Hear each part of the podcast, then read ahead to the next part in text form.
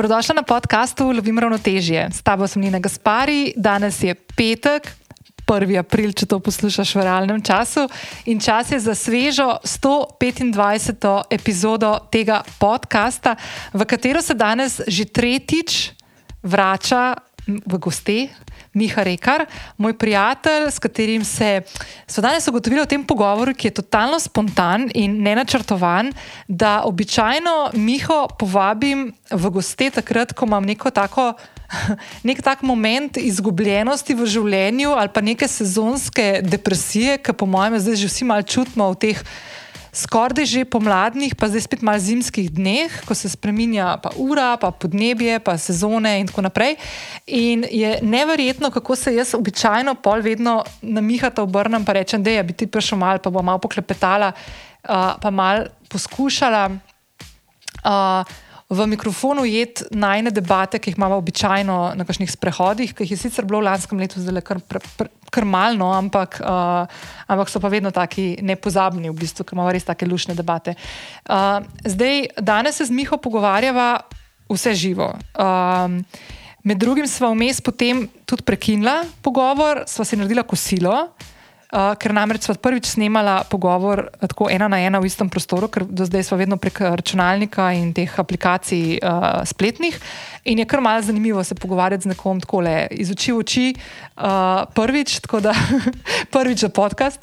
Um, tako da sem se tudi tukaj malo lovila, ampak smo pol prekinila debato in šla narediti kosilo in potem nadaljevala. In v tistem zadnjem delu pogovora, ki ti res svetujem, da ostaneš do konca. Je Miha, ko je sem ga čist na koncu vprašala, še, če kakšno knjigo zanimivo bere v tem času. Je izpostavil eno knjigo, ki mi je totalno zaušnico mi je dal. No? Zaušnico mi je dal, oziroma totalno ta pravi moment je ujel, ker stvari, zaradi katerih imam jaz neke take občutke zadnje, obdob, zadnje obdobje, ki me mal lovijo skrbi, pa sem tesnobna. Uh, pa ne vem, je dobro, kako jih upravljati, čeprav sem se že prej v preteklosti znašla v takih podobnih situacijah in je, sem jih znala speljati, ampak zdaj imam občutek, da sem čista prvič v taki zadevi. Je ravno to knjigo, ki je Miha omenil, da jo bere, odprl še eno polje, v katerem smo potem govorili, kar se mi zdi ful pomembno uh, in to je finančno opismenjevanje oziroma o, te, o, o našem odnosu do denarja. In to je ena stvar, s katero se jaz že kar nekaj časa ukvarjam sama pri sebi, čisto notranje, neke notranje dialoge, ki jih imam sama s sabo, s tem, kako želim voditi svoje podjetje, kako želim svojo kariero uh, razvijati v prihodnje in tako naprej. Uh, in koliko je, koliko je enih odločitev, ki sem jih zelo v zadnjem času sprejela in sem res malo že kar utrujena od tega.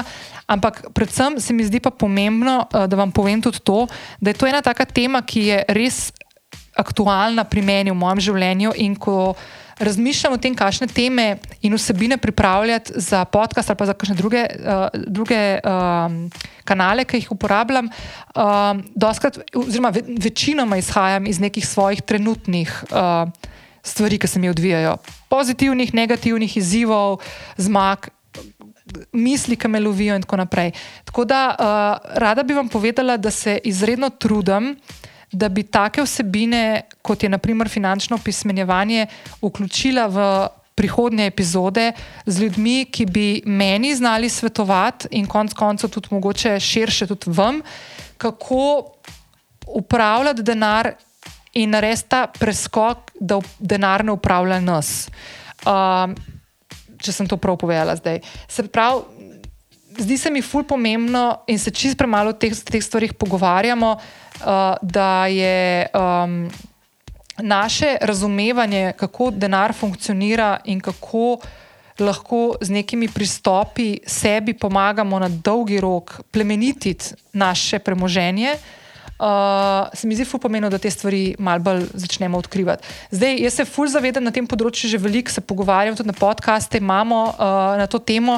Uh, jaz sem tudi v epizodi, čist na koncu, ko se z Miho o tem pogovarjava, povedala, da uh, ena od stvari, ki sem jo v zadnjem času uh, obiskala, je bila tudi delavnica, ki ste organizirali Klara Leben iz podcasta In Bed, pa Marija Milič uh, iz podcasta Money How.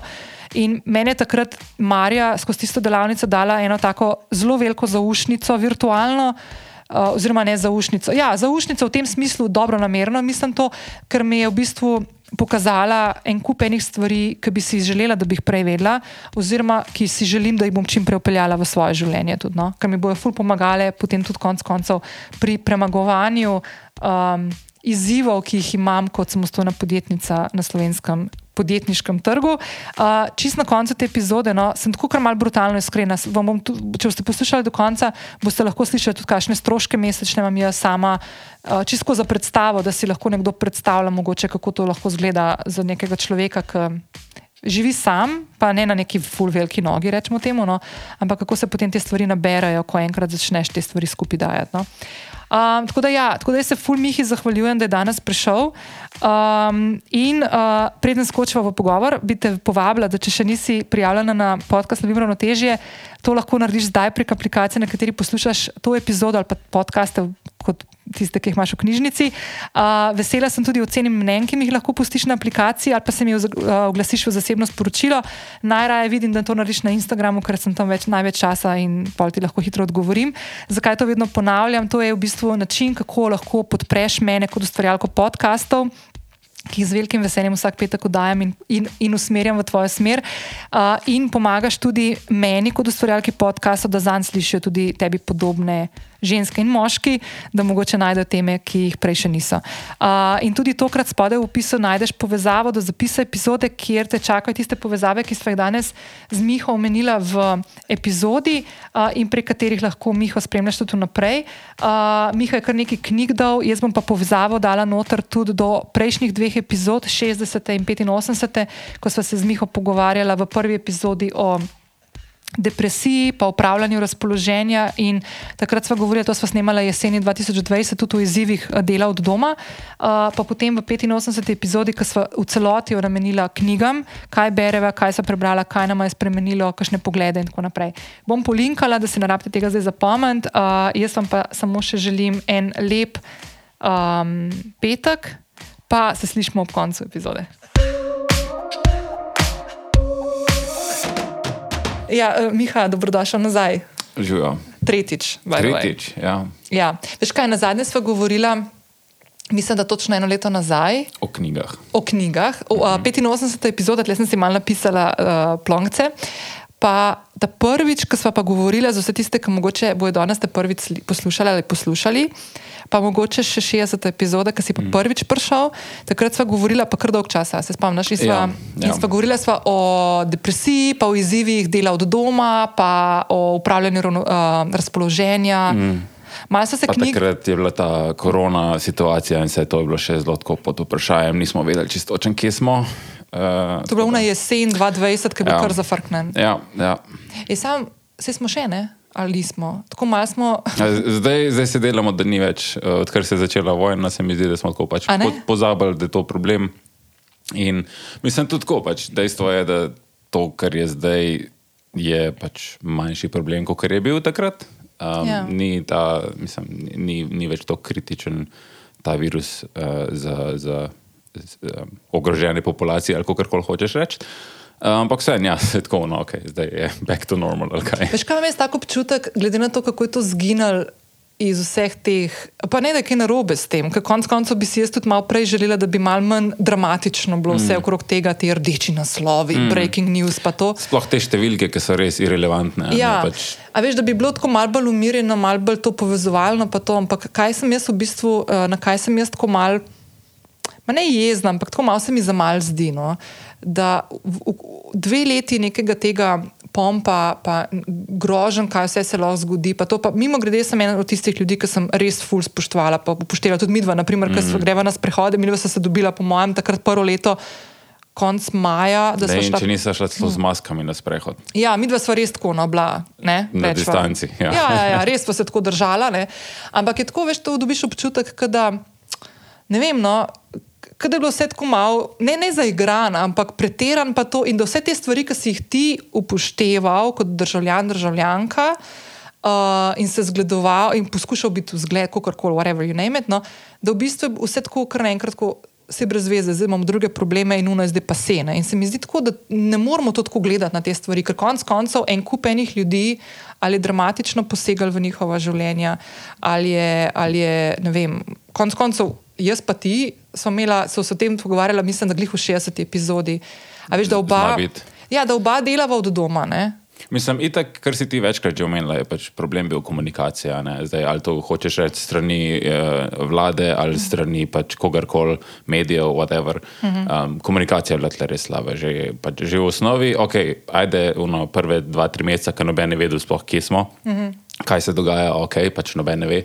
Ampak pol, recimo, glih ta jesen, takrat, ko so se prvič slišala, pa pol vse naprej, um, bi se pa zdaj stvari veliko lepše in boljše -huh. rešiti.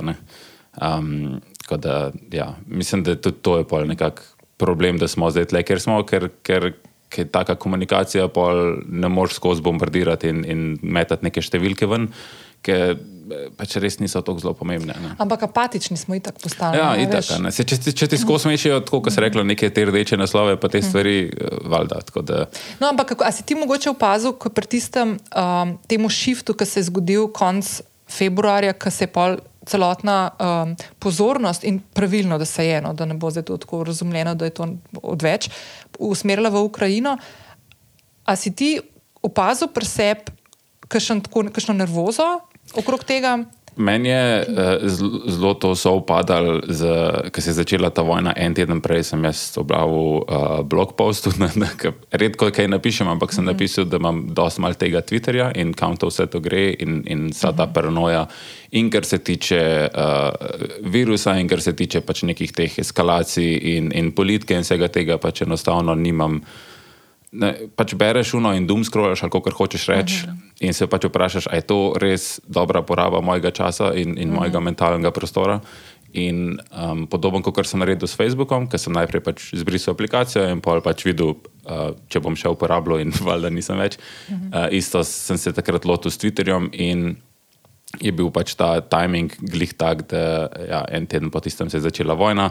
Tako da sem bil jaz dost diskonektan iz, iz vse te paranoje in, in tega opitja in vsega tega. Edino, kar jaz sem dobil pač iz, iz medijev, pa še to je zelo malo medijev, ki jih jaz berem, uh -huh. pa, pa jim dam res relativno malo časa. Um, ker pač jaz, mam, jaz sem včasih sem predvsej predaval v Ukrajini, um, imam tam kar nekaj prijateljev, tako dejansko dobrih prijateljev in sem pač iz njihovih, iz, iz prve roke zvedel stvari. Um, in tudi v, v Rusiji imam pač prijatelje, oziroma bivše sodelavce, in kako je bilo pač tam cela stvar. Pač to, je, to, to so res grozni problemi. In to, kar kažejo mediji, je pač.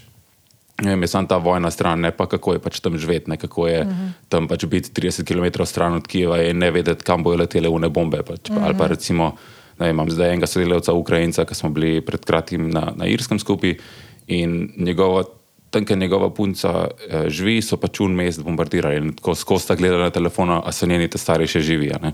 Pač to, to, to so take stvari, ki pač, ja, to, to res, to te prizadene in, in, in ni, ni ok, da, da je to ne, ja. pač del normalnosti. Veš kaj, sem, veš, kaj sem te hotel vprašati? Ker sem pri sebi opazila in to mislim, da je prav ta nasičenost s temi dramata, dramatičnimi informacijami, ki jih imamo zadnji dve leti, sploh tako res na steroidih da mene je naprimer, ta Ukrajina fulno odpotegnila um, v, ja, v to kolesje prve par dni in sem imela tako kar težave. No. Mm. Spe, podobno kot takrat začetek COVID-20. Mm. Um, pa sem se pa mal umaknila iz tega, tudi odsledila vse tiste ukrajinske novinare, ki sem jim začela slediti, ki so iz Starina poročali. Mm -hmm. Sem se umaknila, televizijo pa tega itak ne gledam, kaj nimam. Ampak sem ugotovila pri sebi, da se je tako po enem, dveh tednih naredil šiv, da sem postala apatična. In pa sem dobila slabo vest. Mm. A veš, kao. Ja, sem, lih to je, ne, jaz, recimo, jaz sem prijatelj tam, pa res sem povezan z Ukrajino, po moje, bolj kot večina ljudi tle. Ampak sem tudi, pač, ali sem apatičen ali nisem, jaz ne morem zares nič pomagati. Poleg tega, da sem pač doniral kar nekaj denarja na Rdeč križ, pa ne mm -hmm. par pač organizacij tam um, drugega ne morem, pač jaz ne bom šel zdaj tja s puško pa, pa streljati na Ruse. In, in vse, kar je, lahko, sem lahko pač njim nekam. Nek čustven podpor, kar koli pač vem, da če bojo slučajno rabili, da lahko tle pridejo, kako koli, čeprav pač so zaenkrat pač več ali manj vsi ustajajo tam. Ampak meni pač je to težje, ker ne da sem bil apatičen, ampak ta, ta um, nezmožnost pomagati, ker ne moreš, nič ne moreš, sam pač čakaš in upaš na najboljše. Pa to zdaj se vleče že več kot en mesec, pa še vedno je grozen. To mi je ful lepo, da si ti tako na te stvari pomislil, ker sem pa ful sebična in egoistična. Jaz sem pa, ja, valjda ne. kaj lahko naredim, a lahko kaj naredim, pa tako ne si nekako tako empatičen, ampak jaz sem se pa ujela v tem, da sem začela ful premišljati o tem, kako bo zdaj situacija, kako bo to vplivalo na me in sem šla v bistvu ful v to. Mm. Podobno kot takrat za COVID, če se spomniš, mm. ki si ti mene poklical. Ker smo, delali Instagram live. Ja. ja, ne, a veš, res, ne, res. Ampak veš, kaj pa, pa, pa, tako, pa je bila pa ful zanimiva situacija, ker ti si šel na Irsko, jaz sem šla pa v Berlin. Mm -hmm pa v Leipzig za en teden. To zdaj ne dve leti nazaj. Ne, to zdaj, zdaj, ja, ja, ja. prejšnji teden, kakorkoli. No. In jaz sem že tako ta mala apatična situacija, ne, tako mal, val, da se Ukrajina dogaja bližje, ne da zdaj pa si totalno odrezal mm. in si nek neinformiran, ne, šel hodeš po svetu in nič se ne dogaja, ali pa da bi šel, boh ne da je tisto zanikovanje, kakršne koli, da to obstaja ne, ja, in se dogaja. Mislim, ja. Valjda, da ne. Isto, kot pri virusu. Ist, isti, ja, isti, isti ljudje. ljudje tudi, ja, ki so ja. kar naenkrat čez noč bili eksperti za uh, imunologijo, zdaj so pač eksperti za zonanjo politiko. Ne, pa, ja, vojni strategiji. Pustimo to. Dobro, ampak nima več, ne, ampak se spomnim prav ki me je pa full šok zadev. Sem, ti, jaz sem videla tudi tvoje storije, ki si objavila na Irskem, vi ste tudi bili na teh protestih. To, ne, e, dejansko smo delali, pa, pa zbirali denar, zaradi tega, ker pač naš Aha. ta sodelavec je Ukrajinca. Ne, in smo, um, en, en kup enih akcij smo naredili, ki smo pač probali rezati mm. denar. In smo pač kar, ne vem, kar neki, neki deset tisoč evrov zbrali mm, uh, za, za, za rdeč križ. Ampak vsem, pač to je, mislim, realno, to je plunko morja.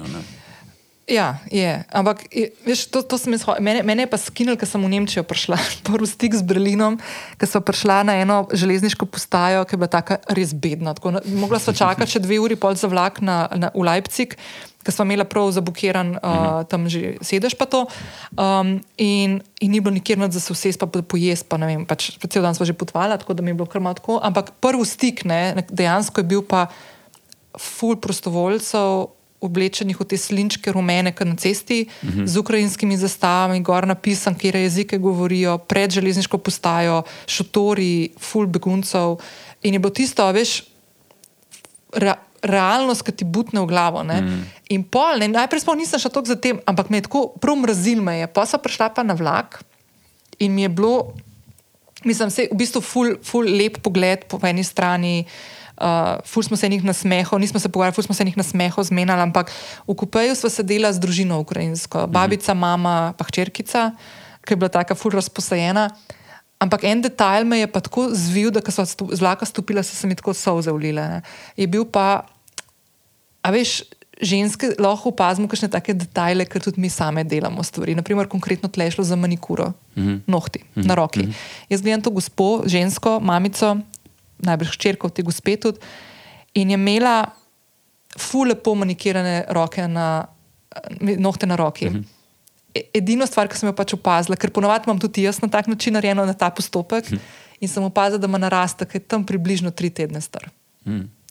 In te zabije ta detajl v to, da je ta ženska tri tedne nazaj šla na eno od nevrjetno rednih manikur, ki je hodila. To je bilo normalno tri tedne ja, nazaj. Danes, danes je pa begunka. In, ja. nima, in me je bilo tako. Ampak sem bila pa, veš, kot cel ta čas, ko smo bila v Nemčiji, mi je bilo nekaj, kar mogoče pri nas pogrešam, ker se doskrat tako uh, zavedajoč, da sem tudi imel jaz ta problem, zgleda, ker nisem aktivna, tako kot si bil ti. Imam zdaj kar mal ne slabo vest, ampak bi lahko kaj več dala od sebe, no rečemo temu tako.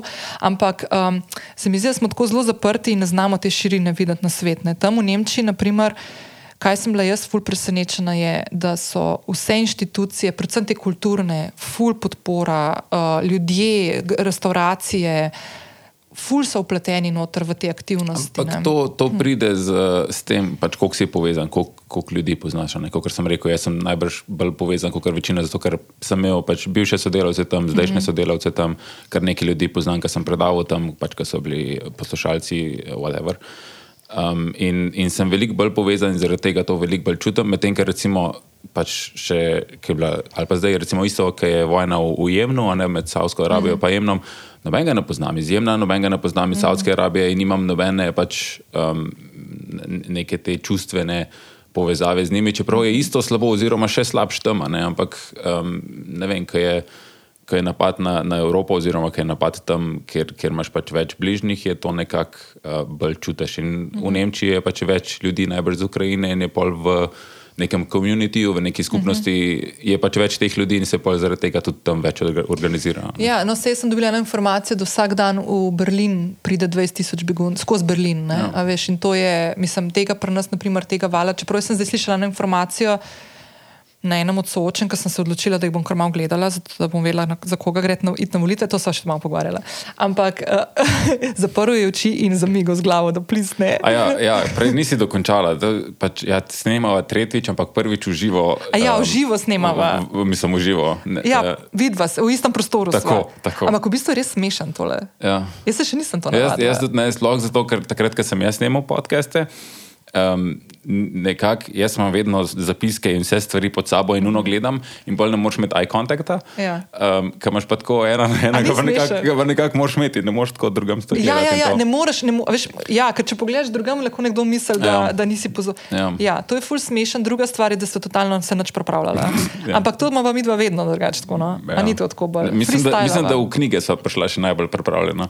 Ja. Uh, jaz z dolgim seznamom knjig. Ampak to zato, ker si rekel, da po tistih prvih epizodi, ki je bila skoraj dve uri dolga, ni na veš kaj, ampak knjigo, knjige niso pa nič umenila. ja, ne. Uh, ja. Ne, ampak hotela sem, kaj sem govorila? Um, že ne volitve. Ja, ne slišala sem ta podatek na enem od soočen, da ne bi čez Slovenijo šlo v teh zadnjih tednih 44 tisoč beguncev. Ne, pravi, mi smo neka tranzitna posta, uh, postaja, ne, mm. mislim, država jih je pa tudi veliko, tudi le in sem tudi zadnjič, prejšnji teden, sem, to moram pa prav reči uh, na glasno, da sem bila ful, oziroma v teh dneh, ful sem bila vesela, ker sem videla tudi punce, ki jih poznam. Z Instagrama, nekatere so bile tudi gosti na podkastu, konkretno Tesa, Adriana, pa še ne par, uh, ki so se ful angažirale in v zakulisju ful spremljali naredila akcijo donatorsko za logatec, ker so zvedele, kakšne mm -hmm. razmere so tam, v kakšnih razmerah so otroci, pa mamice, pa nosečnice in je to res, mislim, vsaka čast. No. Tako da sam to. Ne, veš, kaj sem te hotela vprašati? Mislim, ful stvari tam za vprašati. Ej, da mi povej. Kako v teh dneh, zdaj, zdaj smo mi, takrat, ko smo se pogovarjali, prvič bila jesen, ne? bilo je tisto zaprtje, uh, uh, tisti težek, policijska ura. Mm -hmm. Mi dva se takrat ful pogovarjala, da načeloma ta mm, COVID in način, kako delaš na naju, konkretno, mogoče ni toliko vplival, ker smo že prej leta in leta delala od doma. Mm -hmm. Se pa ful spomnim, ker si izpostavil eno stvar, na katero jaz dejansko nisem pomislila in sem pa kasneje ful razmišljala in sem imel ful prav.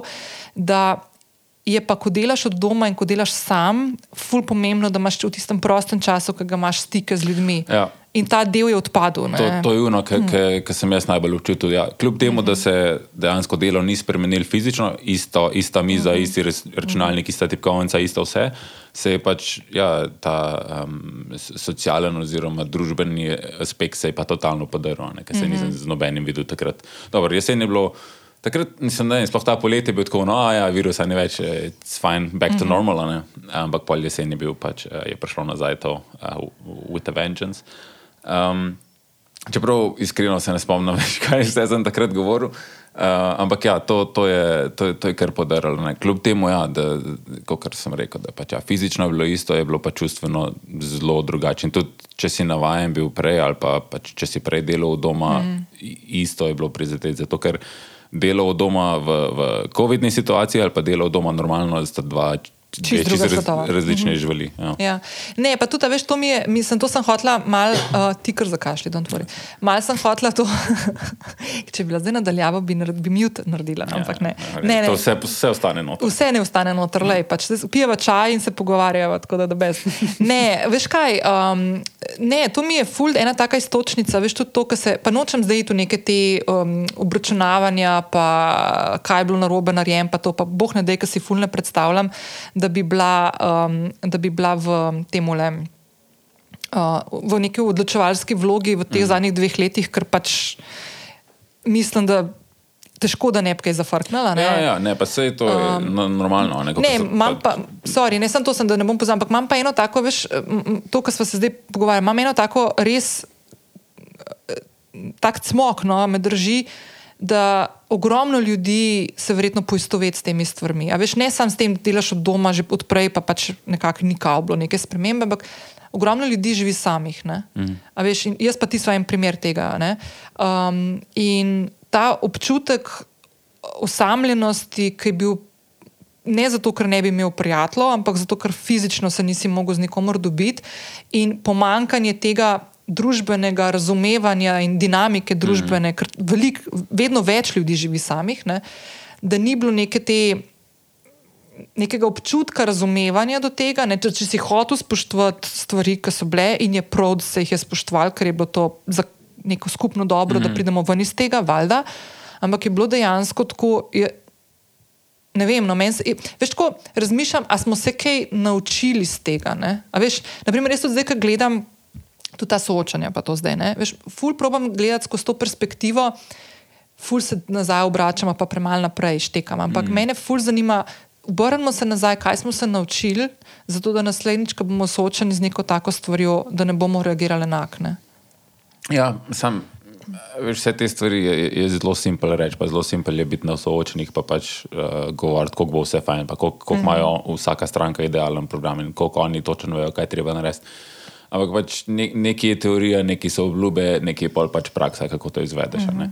In, in ja, pač v, v teh razmerah je bilo čisto normalno, da ne glede na to, kdo bi bil na vladi, bi delal napake, ker enostavno uh mhm. -huh. ne moreš pomisliti na vse, sploh se pravi, da prve dva, tri mesece, ker res nismo vedeli, pri čem smo um, in, in kako stvari grejo. Tako da pač, ja, whatever. Ne. Večji problem je to, kaj se pol naprej dogaja. Ker smo pač točno vedeli, kje smo, ker smo uh mhm. točno vedeli, za kakšen virus gre, kje so problemi, kako se pač treba lotiti, ker so bili dobri primeri iz drugih držav, ker so bili slabi primeri iz drugih držav. In pač kaj, kaj smo mi delali. In jaz sem tlepo še en kup pomislekov, recimo, zakaj imamo Evropsko unijo, če vsaka država delala pol po svoje. Uh mhm. -huh. um, ni nekak point, da bi se pač skupaj zmenili, zakaj imamo tam toliko ljudi v Bruslu, da, da prelaga papirje in da se ne morejo zmeniti, da nehamo predstavljati to uro na poletni čas. Vzemo enega, vse na poletni, zimski, sam nehamo ne, predstavljati. Poletni mora biti skozi. Vse, sam nehamo predstavljati, ker je res. Okay. Ampak ja, pač. Veš, se tako vprašaš, zakaj je toliko nekih inštitucij, pa toliko nekih ljudi, ki dela tam. In vsaka država pa še zmeraj in tudi pol regije in vsak pač ima no, po svoje. Ne? To ne zdaj v Nemčiji, ki smo bila. Ja. Mi dva smo bila v delih Nemčije, uh, kjer, by the way, prva stvar, preden smo mi dva šla, smo malo pogledala tam situacijo, kakšna je. In sem padla dol, ker sem videla. Da v Nemčiji niso imeli tega padca, kot smo ga mi videli februarja, da je full padal v, v um, uh, v razmerju pač okuženih ne, na mhm, dan, mhm. je full padel, zdaj pa malo šlo gor, pa zdaj nekako tako lebdi na neki točki en, mhm. izravnalki. Ne. V Nemčiji ni bilo tega paca očitnega, mal je padel, ne vem, iz 300 tisoč okužb na dan na 200 tisoč, ampak oni so konstantno tam visoko, v bistvu imajo full okužb na dan. Ampak pazi to, mi dva smo bila v delih Nemčije, kjer moš pa ta pokazati, moš imeti maske FVP2 na vseh uh mhm. -huh. teh. Pa smo se pa dobili tam z enimi kolegi in, in so, so, pa, so pa rekli, da naprimer na Bavarskem. Bavarska se je zvezdna država se odločila, da vse skenzla. Hm. A veš, imaš znotraj države, ne, ja, ja, ja, imaš znotraj države, pač vsak parlament zvezdni se odloči ja. svoje ukrepe in imaš ja. spet hajko. In greš, ti potuješ iz ene regije v drugo, ko sploh ne veš na cesti, ki jo ja, verjetno ja. preskočaš, hm. imaš čist druga pravila. Hm. Ne, ampak veš, um, veš, ena stvar, ki si ful dobro povedal, kaj mene naprimer malo frustrira, tudi zdaj v tej situaciji. Pa jaz bi se rada s tabo danes pogovarjala o volitvah, ampak ne v tem, ne v programih, ne v tem, ampak čisto kako se ti, a veš. Ka, a, a so kakšne stvari, ki jih zdaj spremljaš, malo bolj, a mogoče delaš v kvizle, a, če si zasledil, ker nisi več na Twitterju. A ne veš, o to ti moraš povedati zdaj. Ne, ne, veš, kaj, ne, veš, kaj mene najbolj frustrira? To, kar si rekel. Ne, vedeli smo, dve leti smo v tem. Ne, a, ogromno enih stvari se bi lahko pripravili, pa se pol kasneje ni, ker so bile fokusi druge. Mm. Pustimo nam šli v detajle, ampak ok. Um, ena stvar, ki se mi je zdela ful žalostna in ki se mi zdi tako, da je to kaže na neko podobo države, ki ni moja država. To ni moja država. Jaz nisem nikoli šla na volitve, da bi bila to moja država. Ja. Se nisi šla velikrat na volitve? Nisem šla za samostojnost, ampak ja, velikrat nisem tudi šla, to se ful posipam s pepelom. In, ja. ne, ne, okay. Ampak ne, ampak veš kaj, to, to naprimer, da imaš zdaj to možnost, da če zboliš po 20. četrtem, ne boš mogel iti v alt in oddati svojega glasu. A veš, mislim, tako 20 tisoč ljudi lahko ostane brez možnosti, da vda glas, pa bi ga lahko, naprimer. Okay. Veš, pa ti si imel volitve razpisane pol leta nazaj, si videl za datum. Ja. Veš, take stvari se meni zdijo tako ful nesprejemljive in se mi zdi, da bi mogla, naprimer, država, pa tle volilna komisija državna, bi mogla delati na tem, da čim več ljudem omogoči. Mm. Oddajo glasu. Ja, Zdaj smo pa nazaj to, kar delajo v Ameriki. Exactly, ki se nagaja. Bajdo je moja babica, ki živi v domu za ostarele sredi Ljubljane, za referendum za vodo poleti, ni dobila informacije, ki bi lahko volila. Hmm. Mi nismo dobili te informacije, ker je ona malve, mal, skoraj eno leto prej, ma, ni bilo še eno leto, ko, odkar je živela v tem domu, ker so jo preselili z enega drugega in ni imela še urejenega statusa tega, uh, ki, ki ima uh, stalno prebivališče. Ja. Ker če ti nimaš nobene nepremičnine v lasti, kot je moja babica nima, ker je prodala. Bi načeloma mogel imeti stalno bivališče v domu. Uh mhm. -huh. In potem bi lahko vedela, da je v njenem domu, kjer je živela, bila volilna enota za vse tiste, ki živijo okrog tega doma. Uh mhm. -huh. Ona pa tam ni imela volilne, volilnega štaba še takrat. Pa smo to post-festom zvedeli. Ampak ja. veš, to so take primeri, ki si misliš, tako kam on, ne pustimo zdaj une nagajanja, pa to, ja. da pač so dajali v drugo nadstropje, da niso mogli invalidi priti zraven, pa take stvari. Ja, pa pač večji problem, ne. da recimo tam, kjer je, je veliko populacije, ki nočeš dovolj, daš eno volišče, ja. pač, pa ja. pač uh, majhno, ja. medtem, ker tam, kjer so pa ljudje, ki hočeš dovolj, daš pa milijon volišč za to, da noben ne čaka. Ne? Ja. Ja. Ampak, pač, ja, ne, ampak, ne, ampak veš kaj, lej, a ti boš šel na volitve? Ja. Greš. Okay. Ne vem, če za koga bom volil. Jaz tudi ne.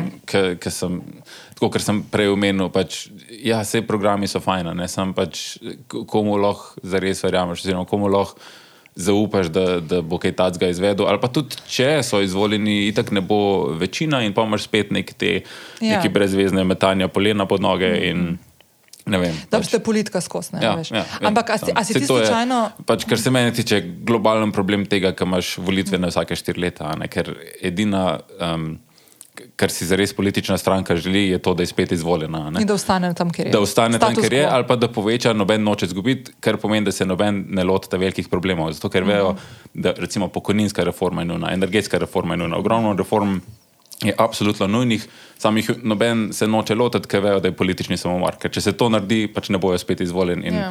in zaradi tega smo tle, ker smo. Ne? Ja, pa ne sami, ne sedaj. Ja, ja, ja, pač ja.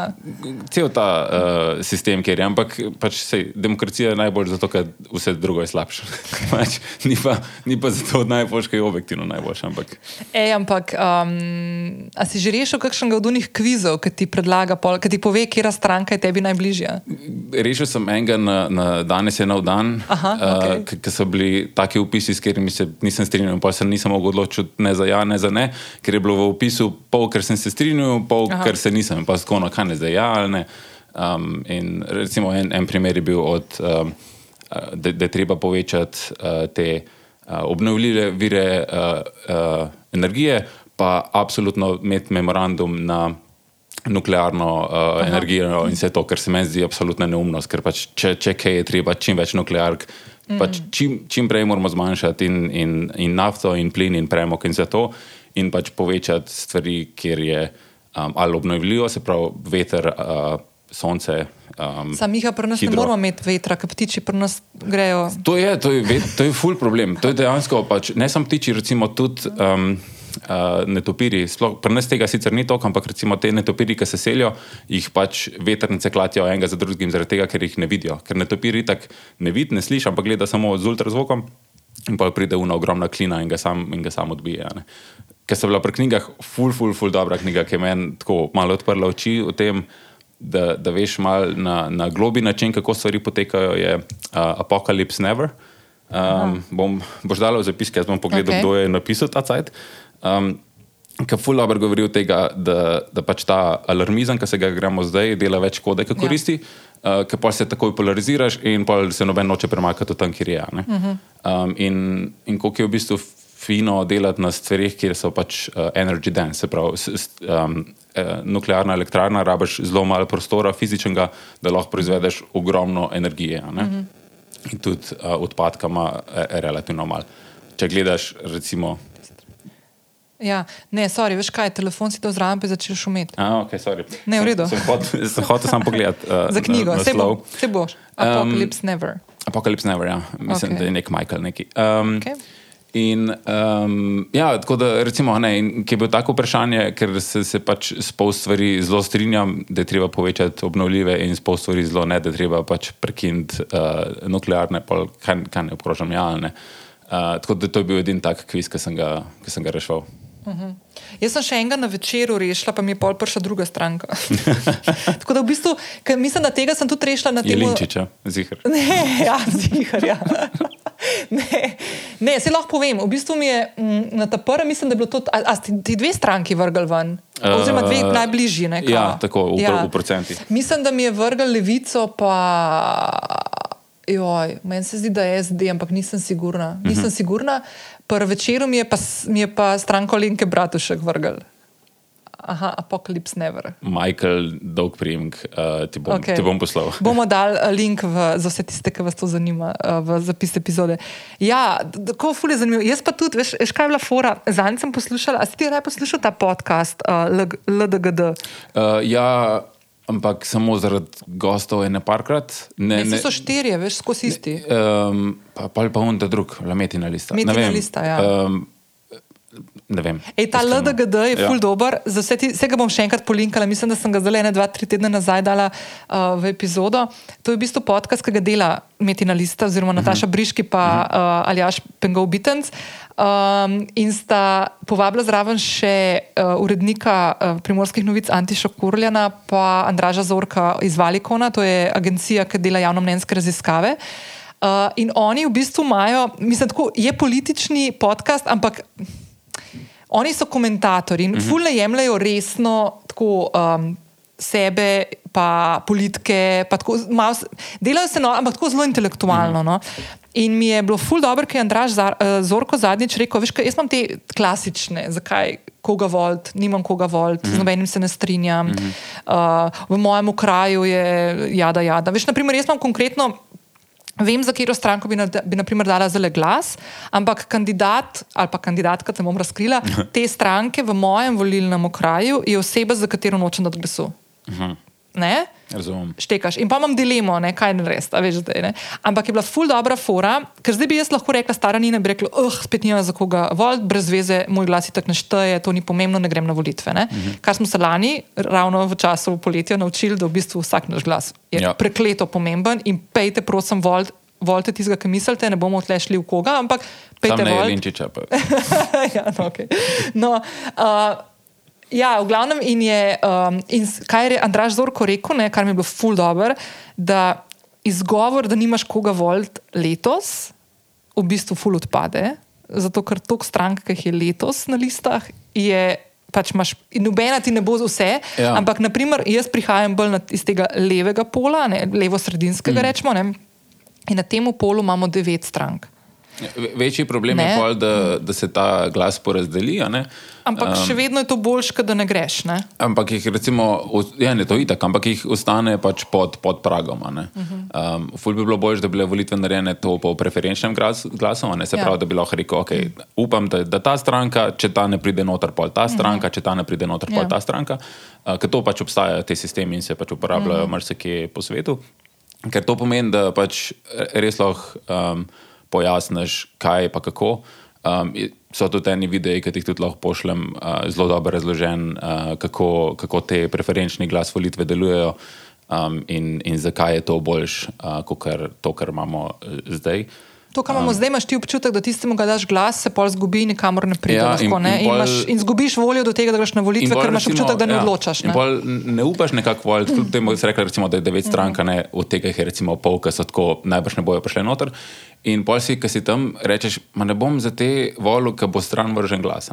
Ja. Um, in, in to je un problem, ker ne moreš reči, ok, jaz se ful želim, da pridejo, ne vem. Uh, kaj sem pač ena stranka, ampak zdaj, če, če una ne pride, pa recimo, da ta stranka, ki se sicer ne strinjam z njimi, ampak bi rajš, da so oni, kot da je moj glas v bistvu nešteje. Ne? Ker pač, če imaš ta pravila, da jih ne vem, kar je pa 4% ne pride v parlament, mm -hmm. pol je, pol je, ja, pol pa smo tle. Ampak ja, sorry, kaj si hodila povedati?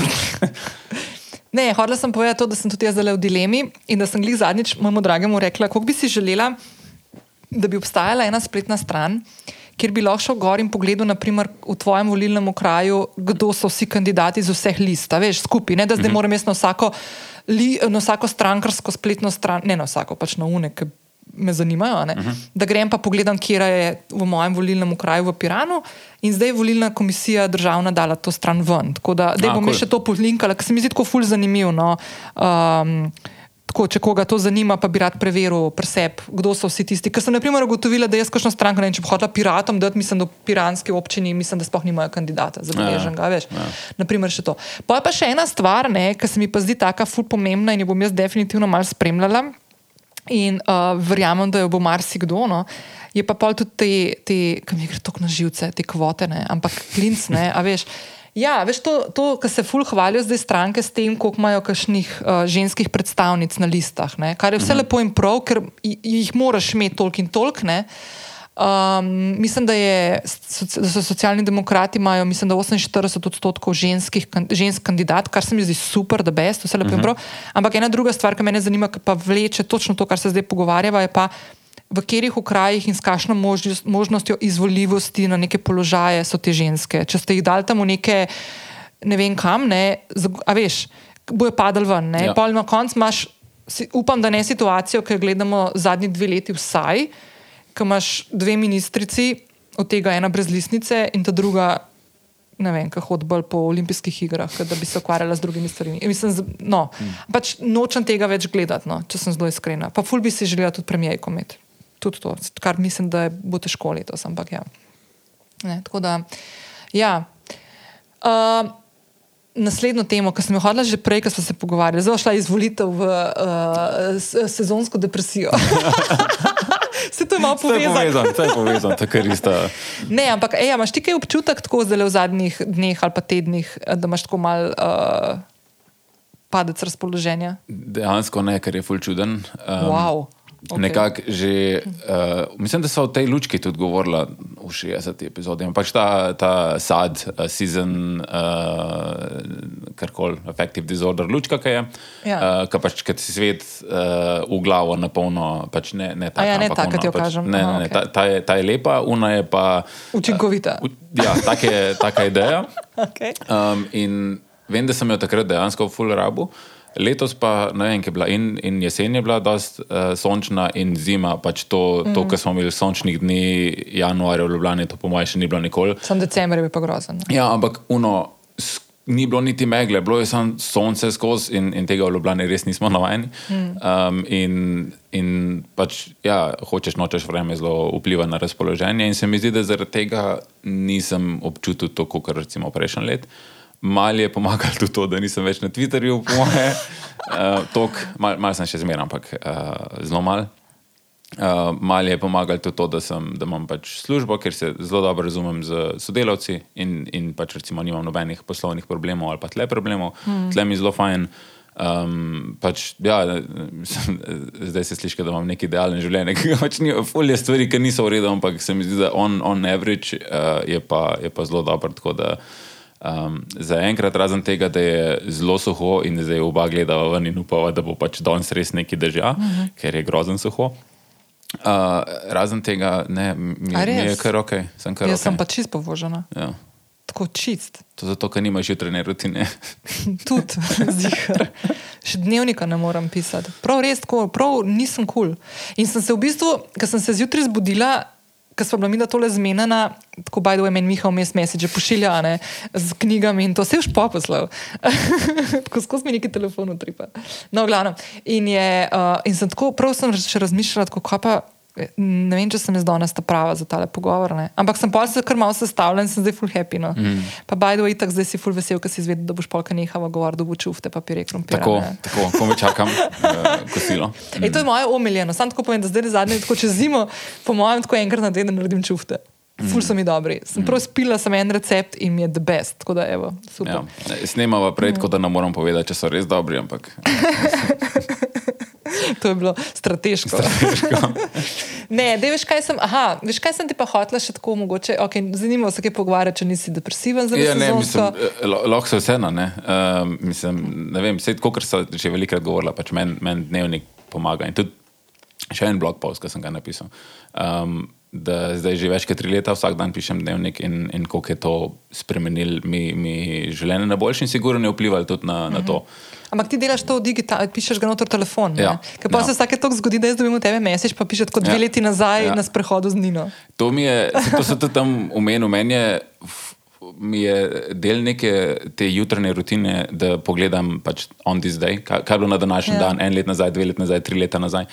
Um, in mi je zelo dobro gledati, kako se pač spremenjam in kako stvari, ki so bile recimo pomembne, ali pa stvari, na katerih sem delal, ali sem popravil, ali nisem popravil, ali delam iste napake, ali pa pač take stvari, ki so se zgodile, ne vem, ki so snemala podcast, ki so bila na sprehodu te stvari.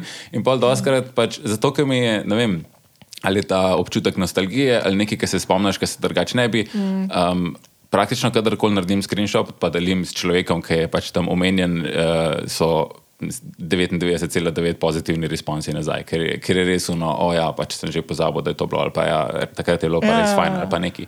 In to skoraj sigurno vpliva, ne vem, če zjutraj pogledam to in da sem že avtomatsko pol, že zaradi tega malo boljše volje, ali pa že zaradi tega se spomnim, no, ja, to je bilo pa res fajn. Um, Skoraj sigurno vpliva na počutje in, in na dnevni, in pač mm. na, na sezonski bazi. Okay. No, jaz vem, da vpliva na počutje, pa vse to v teoriji se veš. Pač, ja, to, to smo se že tokrat, pa tudi jaz. Ampak nekaj še vedno pamet... ne piše. Pa, daj, no, ampak jaz tudi pametujem, veš, ja, pa ja. vodič sem naredila, pa vse. Ja. Veš, ampak, naprimer, zdaj sem padla ven iz te rutine. Ne? Mal tudi zato, ker kaj se mi je tudi zgodilo, valjda, da. Kar je tudi ena od teh točk, ki je pred dnevnikom ful pomembna, ne? konsistentnost. Valjda, mm. Tudi takrat, ko se imaš fajn, pa si srečen, pa si ful ja. zadovoljen, pa vse imaš razloge, da pišeš, ne ja. pišeš samo takrat, ko imaš težave. Ne. Ampak jaz sem glih v to luknjo padla, ne. ker sem imela občutek, da vse je kul cool, mm. in dejansko ni neke potrebe po tem. In, in glih zdaj sem imela ta teden, ponedeljek, dva, dva dni preden sem začela to snemati, sem prvič v roko vzela, pomislim, da začetku februarja, dnevnik. In sem hotela nekaj napisati, in nisem mogla. Mm. Nisem mogla napisati, ker se mi je zdelo tako. Um, banalno, kot da prvič dnevnik pisala, mm. veš, čisto. Oh, Ampak, kako? Jaz mislim, da mm. takrat, ko je dobro, je še bolj pomemben, da pišeš. Ja. Zato, da takrat, ko je slabo, da lahko gledaš nazaj in rečeš, da okay, ni bilo vedno tako slabo. Ja, ja pač absolutno. Pač, ne, se strinjam, ful se strinjam. Ker, ker pač človeški možgani igrajo trike na nas um, in, in imaš skozi nek občutek, da je bilo skozi tako slabo. Um, in če le kaj vidiš nazaj, da si ti napisal nekaj, kako je bilo dobro, da si pač to, to ni nekdo drug napisal, to si ti napisal in takrat je bilo res dobro in se pač spomniš tega. In tako, no, ja, ok, res je bilo. Pač ni, ni to, da se zdaj nekaj igram sam s sabo, pa, pa pretvarjam, da ne se takrat včasih je bilo pa boljše ali pa ne vem kaj.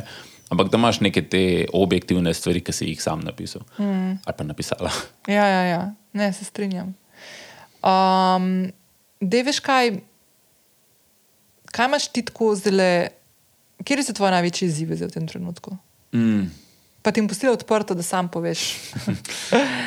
A se boš odločil za poslovne ali kakšne druge? Res sem umevno poslovno, je fulo redo. Res, uh, kot smo menili, bili smo zdaj na Irskem, imeli smo team building, ki je bil, ja, um, se je čutilo zrako to, pač Ukrajina in vse to, ker imamo sodelavce in, in, in, in to.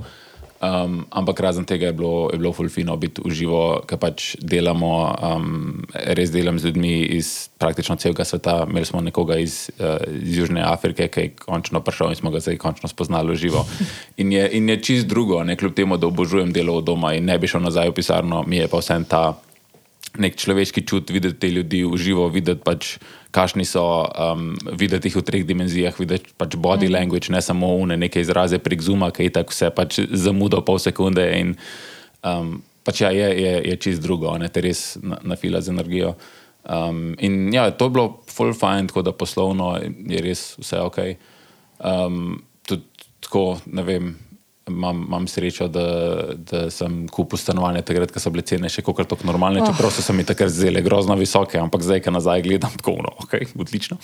Um, ne no, vem, kje se bo to. No, to je meni pain in the ass, pač, da je ena od stvari. Ne vem, kje se bo to ustavilo, ja. ampak tako da, kaj pa vem, izzivi, mogoče ta neka stagnacija, da, da, da mislim, da sem poklikal in poklukal ful stvari, ki sem jih hotel poklukati. In da se zdaj pač sprašujem, kaj je naslednja stvar. Ker do, do pred kratkim sem imel vedno neke cilje, no, okay, ki bom mm. to, pa bom pa to, pa bom pa to. In, in, in zdaj sem tam, ker mi je tudi ok bilo v času korone, ker nisem hotel nekih dodatnih prešerjev ali pa nekih stvari, ki bi me um, um, spravljali še dodatno dol. Ampak zdaj, ko smo počasi iz tega ven, je pa tako, okay, kaj, bom pa zdaj delal v, v uh mhm. -huh. Eh, tretjem življenjskem obdobju. Da je na seriju, v tretjem življenjskem obdobju. Pač, uh, greš na univerzo za tretje življenjsko obdobje, na primer. Recimo, um, pač, um, to, to je mogoče mal, mal izziv. Oziroma, Koliko si ti star? 34. Okay. Zdaj sem že v njih, a veš, kaj so se včasih starši pogovarjali, kaj si poslušal, zakaj govorijo o letnikih, ne koliko so stari. Ne? In bolj rataš star in gotoviš, zakaj govorijo o letnikih, ker letniki se ne spreminjajo. Let, leta skozi spreminjajo, skozi čak ne, tri, ne 34. Ja. Tada, ne. ne, sam to je, meni se zdi, da tam okrog 30, pet, med, tam, med 30 in 35 padaš v te prve, neke te eksistencialne. A veš, tako se pa še pridejo, by the way. Ampak tako, a veš tisto kaj sem naredil v življenju, ali sem sploh kaj dosegel, tega nimam, unga nimam, tega, ja. veš, kravce, štalce, whatever, ok, ti mm. štalce imaš, da to je whatever. Ja. A veš, ja, se meni men se to fultko zdi, se pa pol tam enkrat, ne, meni se je to tako sprostila ta stvar, tam pre ne 37, 38. Mm. Se mi zdi, da sem takrat začela tako ful sebe sprejemati kot, pa, pa, ja, sebe sprejemati ne se obsojati, pa neke, skozi neke napake, pa neke probleme, pa neke stvari, ki jih nisem poklukala delati. Uh -huh. Pa tle ne mislim otroci, pa poroka, pa te klasične, ampak tako in general stvari. Ne, ne Naprimer, zdaj imam eno tako stanovanje, ne, naprimer, je, veš, mm -hmm. kako, kako da fuk. Ja, ja. Res, jaz ne vem, ne. kje se bo to ustavilo. Um, uh, ja, ampak veš, kaj je pol fura. Eno, ena stvar, ki se ti zgodi, je to, da sprejmeš, da se nehaš obsojati, pol se pa zgodi ena ful dobra stvar in to je, da um, ne da si um, pomirjen sam s sabo, ampak zadovoljen rataš sam s sabo. Ampak se, to, je, to je mogoče točka, na kateri sem in to je moj izziv, da, da, da sem mogoče malo preveč takrat, malo preveč complacent, malo mal preveč mi je fajn uh mhm. -huh. um, in, in mi je izzivno. Kako to nadgraditi, kaj je naslednja stvar, pač, where do I go from here? Vse mi je fajn, to je, ja. to, to je uno, ki je pač ta. Um, um, nekak glaven problem, da, da v bistvu nimaš problema in pa si tako, ok, jaz bi si kar mogel imeti nek problem. Ne? Um, ne, tako, mislim, da so stvari na, na osebnem nivoju, ki so zadelati um, in, in na, na katerih delam, pa se nikamor ne premaknem. Vse je full premikaš, by the way, ampak ok. No. okay ja. Ne, ampak tako pač. Um, ja. So stvari, kjer se ne. Um, ampak vse je pa. Um, tako res generalno gledano sem, sem full uh, srečen in vesel, ker, sem, ker, ker je kar hecen slišati samega sebe to reči. Ker, ker, Ker si misliš, da moraš neke kritike še zraven prebrati? Deset let nazaj, sigurno ne bi tega rekel, ali pa še do, ne, ne. do štiri leta nazaj, ker sem bil drugačen človek v drugačnih razmerah. Um, ampak ja, ne, tako da neki izzivi, ja, pa vem, nič mi ne pride direkt na pamet. No, okay. Ker je mogoče kot sem rekel, glaven problem. E, ja, veš, kaj pa jaz zdaj zadnji dan ugotavljam, ker imam tako kar neke take stragle, pa kar neki padamo, neke strahove, pa eh, na zalogo sekiram se, kaj bo jutro, uno levo, desno, ker meni pa trenutno. Sem prišla v eno fazo, ki se mi zdi, da nisem edina, ker se pogovarjam z ljudmi, ugotavljam, da smo vsi pritimač na istem. Pa je lahko je to zdaj sezonsko, zato sem te vprašala. Mhm. Da imam občutek, da se mi stvari prepočasno odvijajo. Mhm. Um, jaz sem si za letos, zato pa to je pa to, kar, se, kar se zdaj ful poigravam zadnjih 24 ur. Da sem si za letošnje leto dala besedo leta transformacija. Mhm. In to leto, v katerega sem jaz vstopila, pripravljena na ful bombastično vse na vseh področjih. Spremenila sem si poslovni model, uh, zmenila sem se za sodelovanje, ena še, se še usklajujejo. V glavnem, en kup enih stvari, tako zelo dobro, pozitivno sem vstopila, pošlihtan imam končno življenje, zaseben del življenja. In zdaj, ne, konc marca, oziroma mi dva tajva v 1. aprila, to ni prva aprilska šala, res ne. Sam res. Okay. A veš, kaj se mi dozdeva? Dozdeva se mi, da ta jebena beseda transformacija mm. je prenesla sabo enega, enih full bitch slepan. A veš, okay. ki me meče, ampak se to full iz tega. Vsake stvari, kadarkoli se hočeš vem, spremeniti mm. ali pa delati na sebi, ja, um, bojo tudi, tudi. Ampak Miha ni mi potegnil do včeraj zvečer, ko mm. smo bili na pici. Uh, jaz pa Miha, pa eh, naj prijatelj. No, ta drug Miha, pa naj prijatelj uh, Noah Charney, ki je ameriški pisatelj, ki živi v Sloveniji, ki ga bom tudi se včeraj zmenila, da bo prišel na podcast in bo full hilarious, ki bo govoril malo angliško, malo slovensko, uh mhm. -huh. tako malo slong English. Uh -huh. um, v glavnem, in mi je včeraj tako rekel, ko smo se pogovarjali, da smo vsi nekaj zdaj v nekem takem čudnem obdobju. In pa ona, da se to nekaj pogovarjate v pisanju, pa nekaj to. In pa reče Noah, a veš, jaz pa odkar sem Urško ženo spoznal Včasih sem full poezije pisal, pesmi pa to. Ampak odkar sem moja žena spoznal, v bistvu jih ne pišem več. Ne? Mm. Jaz ko njemu rečem, because you're living it. in sem se furežal. Ampak je bila to in takrat v tistem momentu, ko sem to rekla, sem se jaz spomnila na to transformacijo. Sem rekla, šit, ti si si dala full namero za letošnje leto. Da boš bila ful iz svoje cone obdobja, mm. ful imam pred sabo zdaj le nekaj takih projektov, ki grem tako res ven iz cone obdobja mm. in se jih ful veselim, ampak po drugi strani mi je pa sam tako, v kaj si se ti zdaj le spustila? Drugač, mm. Ena od stvari, ki je bila nedolgo nazaj na, v mojem On This Day, ki sem ti tudi poslal, je to, kar sva šla v, v kučo. Aha, na, na hodok. Na hodok. Uh, ne, ni v hodok, so bili tako, si so bili, po mojem. Uh -huh. Um, in, in si takrat pač uh, razlagala o, o tem projektu, ki ga zdaj delaš, o podkastu in vse to. In to je bilo še pred korono. To je ja, bilo, to je bilo 2019. Ja, to, to, to, to, ne, to je bilo 2020 pred korono. To je bilo. To je bilo takrat, ko smo imeli. Ampak 2020 sem že imela podcast. Jaz sem decembra 2019. Ali pa 2019? Uh -huh. Po mojem, kaj še jesen to, veš. Ja, pa že toliko časa. No, ne vem, sam pač spomnim se, takrat je bilo res ono, ker smo imeli vse, kako je, je vse lepo in, in kako se vse pač. Uh, premikal prave stvari, in, in ker noben ni pač vedel, kaj prihaja. In če bi ti takrat kdo rekel, kaj vse, pač, kje boš dve leti kasneje. Pa kaj se bo še vse vmes zgodilo? Ja. Ker res je tako. Mislim, se pa, ki pogledaj, je full hvala, da ste to iztočili. Ja, pač to je bila res transformacija, mm. recimo že takrat, pa ni, najbrž nismo imeli te namere. Ne.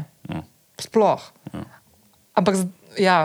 No, v glavnem, in zdaj, zdaj ne spim, in se sredno čez budim, in pol padam v svoje te lupe. In danes je mm, ena taka noč. Ker ni, ni več kuče. Mm, ja, ker ni več hodogov, četrtkovih.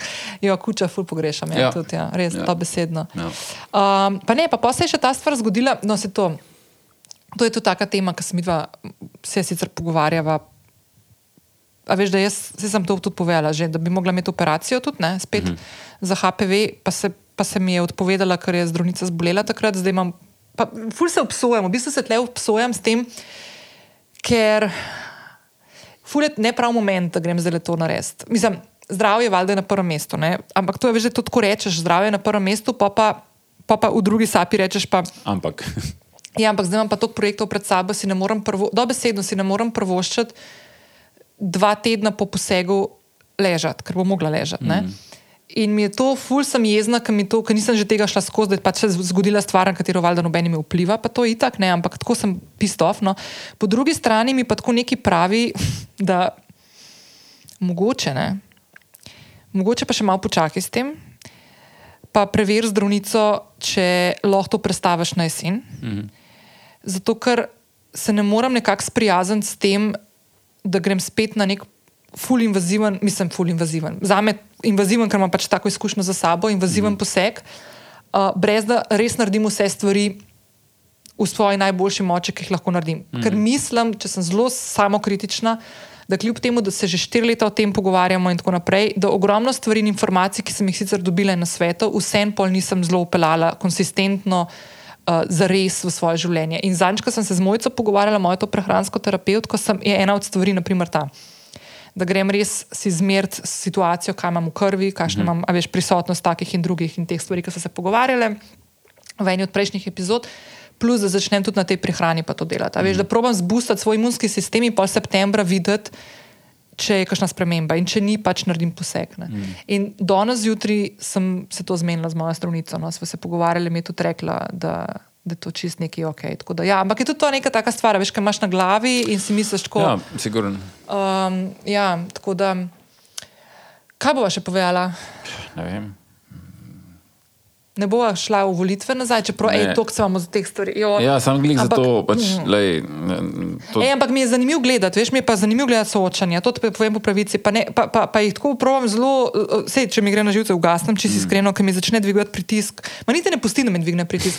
Ampak mi je tako zanimivo, ker še vedno se mi zdi, da potekajo bistveno bolj um, prijazno, kot sem mislila, da bodo, mm. razen parih izjem. Um, tako zelo so v rokavičkah. Da, ja. Ja, sam, um, na, na splošno je to pač še eno od teh problemov, ki sem jih že prej pač omenil. Je, je to, to, da če ti znaš dobro govoriti, ne pomeni, da znaš dobro voditi in, in obratno. Ne? Pač neka ta korelacija med, med tem, kakšen si ti kot govorc, pa med tem, kakšen si ti kot vem, bodoči voditelj države. Je ni. Uh, in, in to lahko gledaš na, na, na vseh, kjerkoli, in, in doskrat imajo nekoga pač. Postavljenega, ki dobro govori, zadnji imaš pa pač štab, ki dobro dela. To, ja, ja, ja. To, je, to je edino, kar nekako lahko funkcionira. In zdaj pač. Um, ampak, ja. Ja, Ej, ampak ena stvar, a si slučajno poslušal prejšnjo epizodo z Niko? Sam ja. In?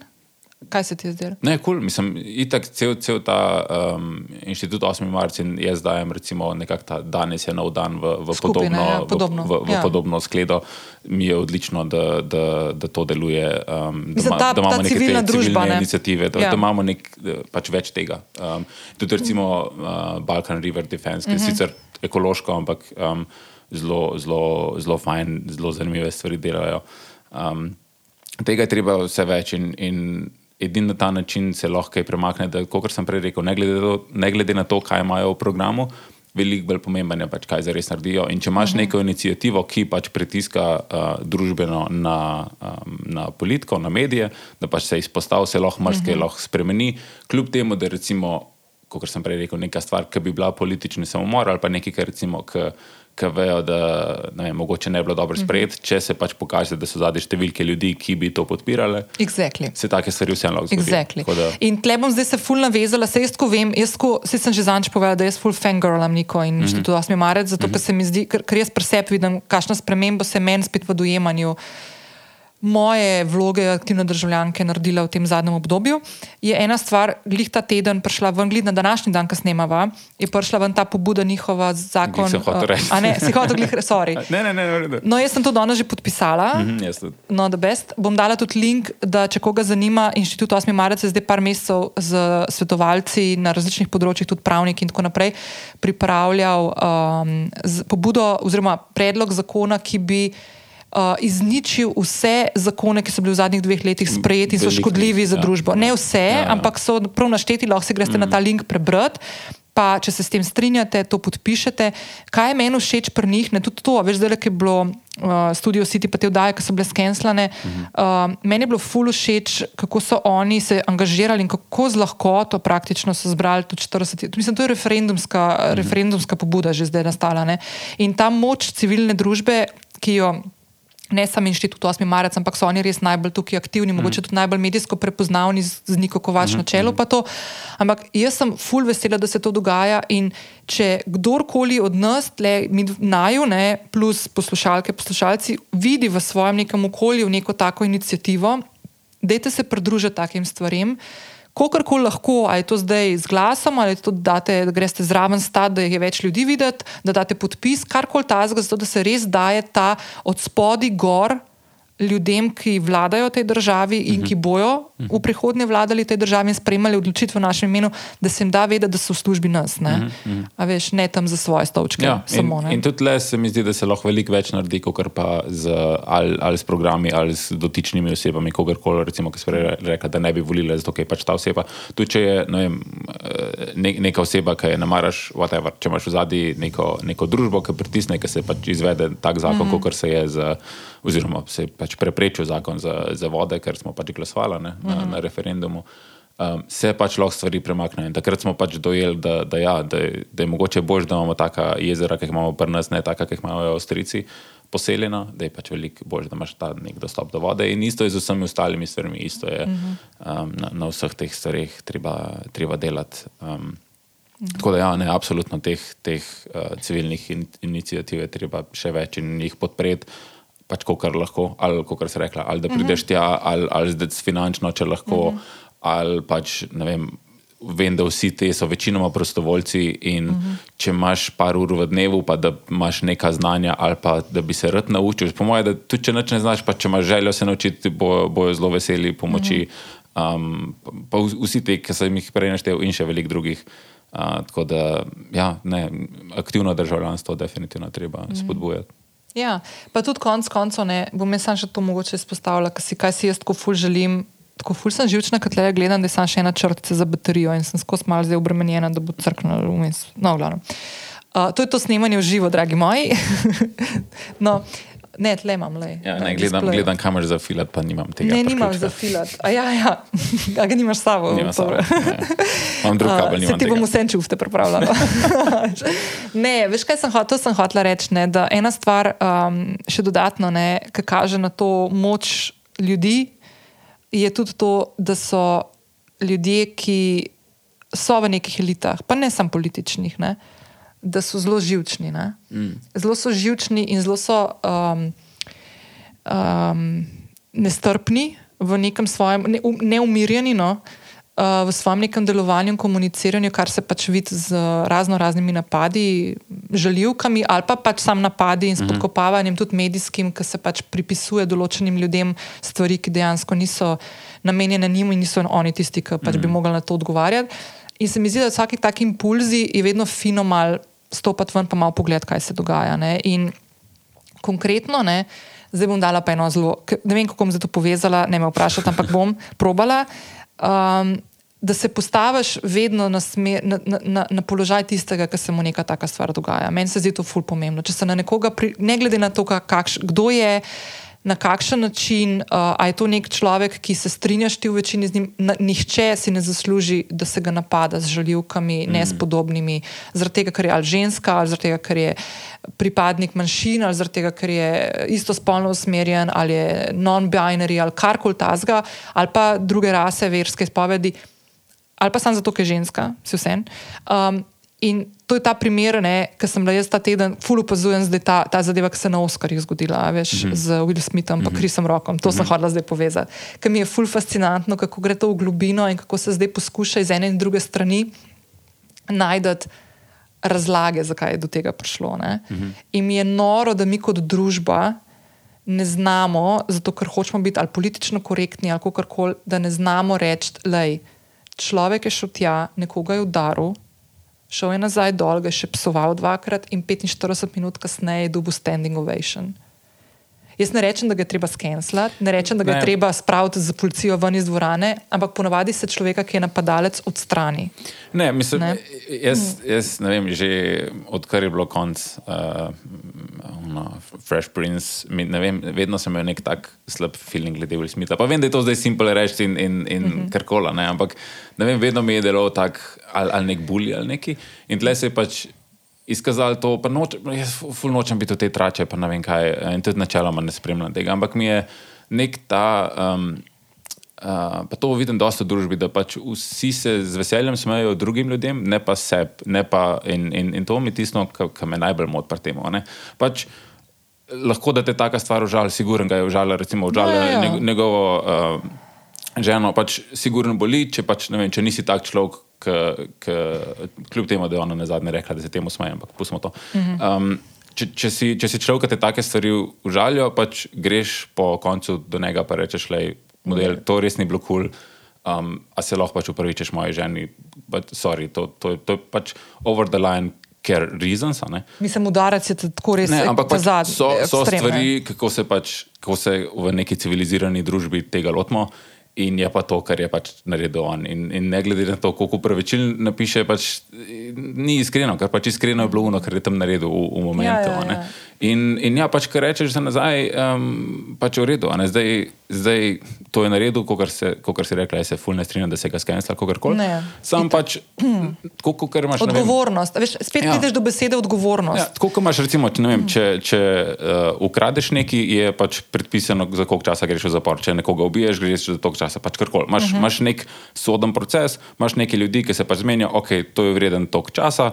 Tok časa greš v zapor, in pač prideš nazaj v, v družbo.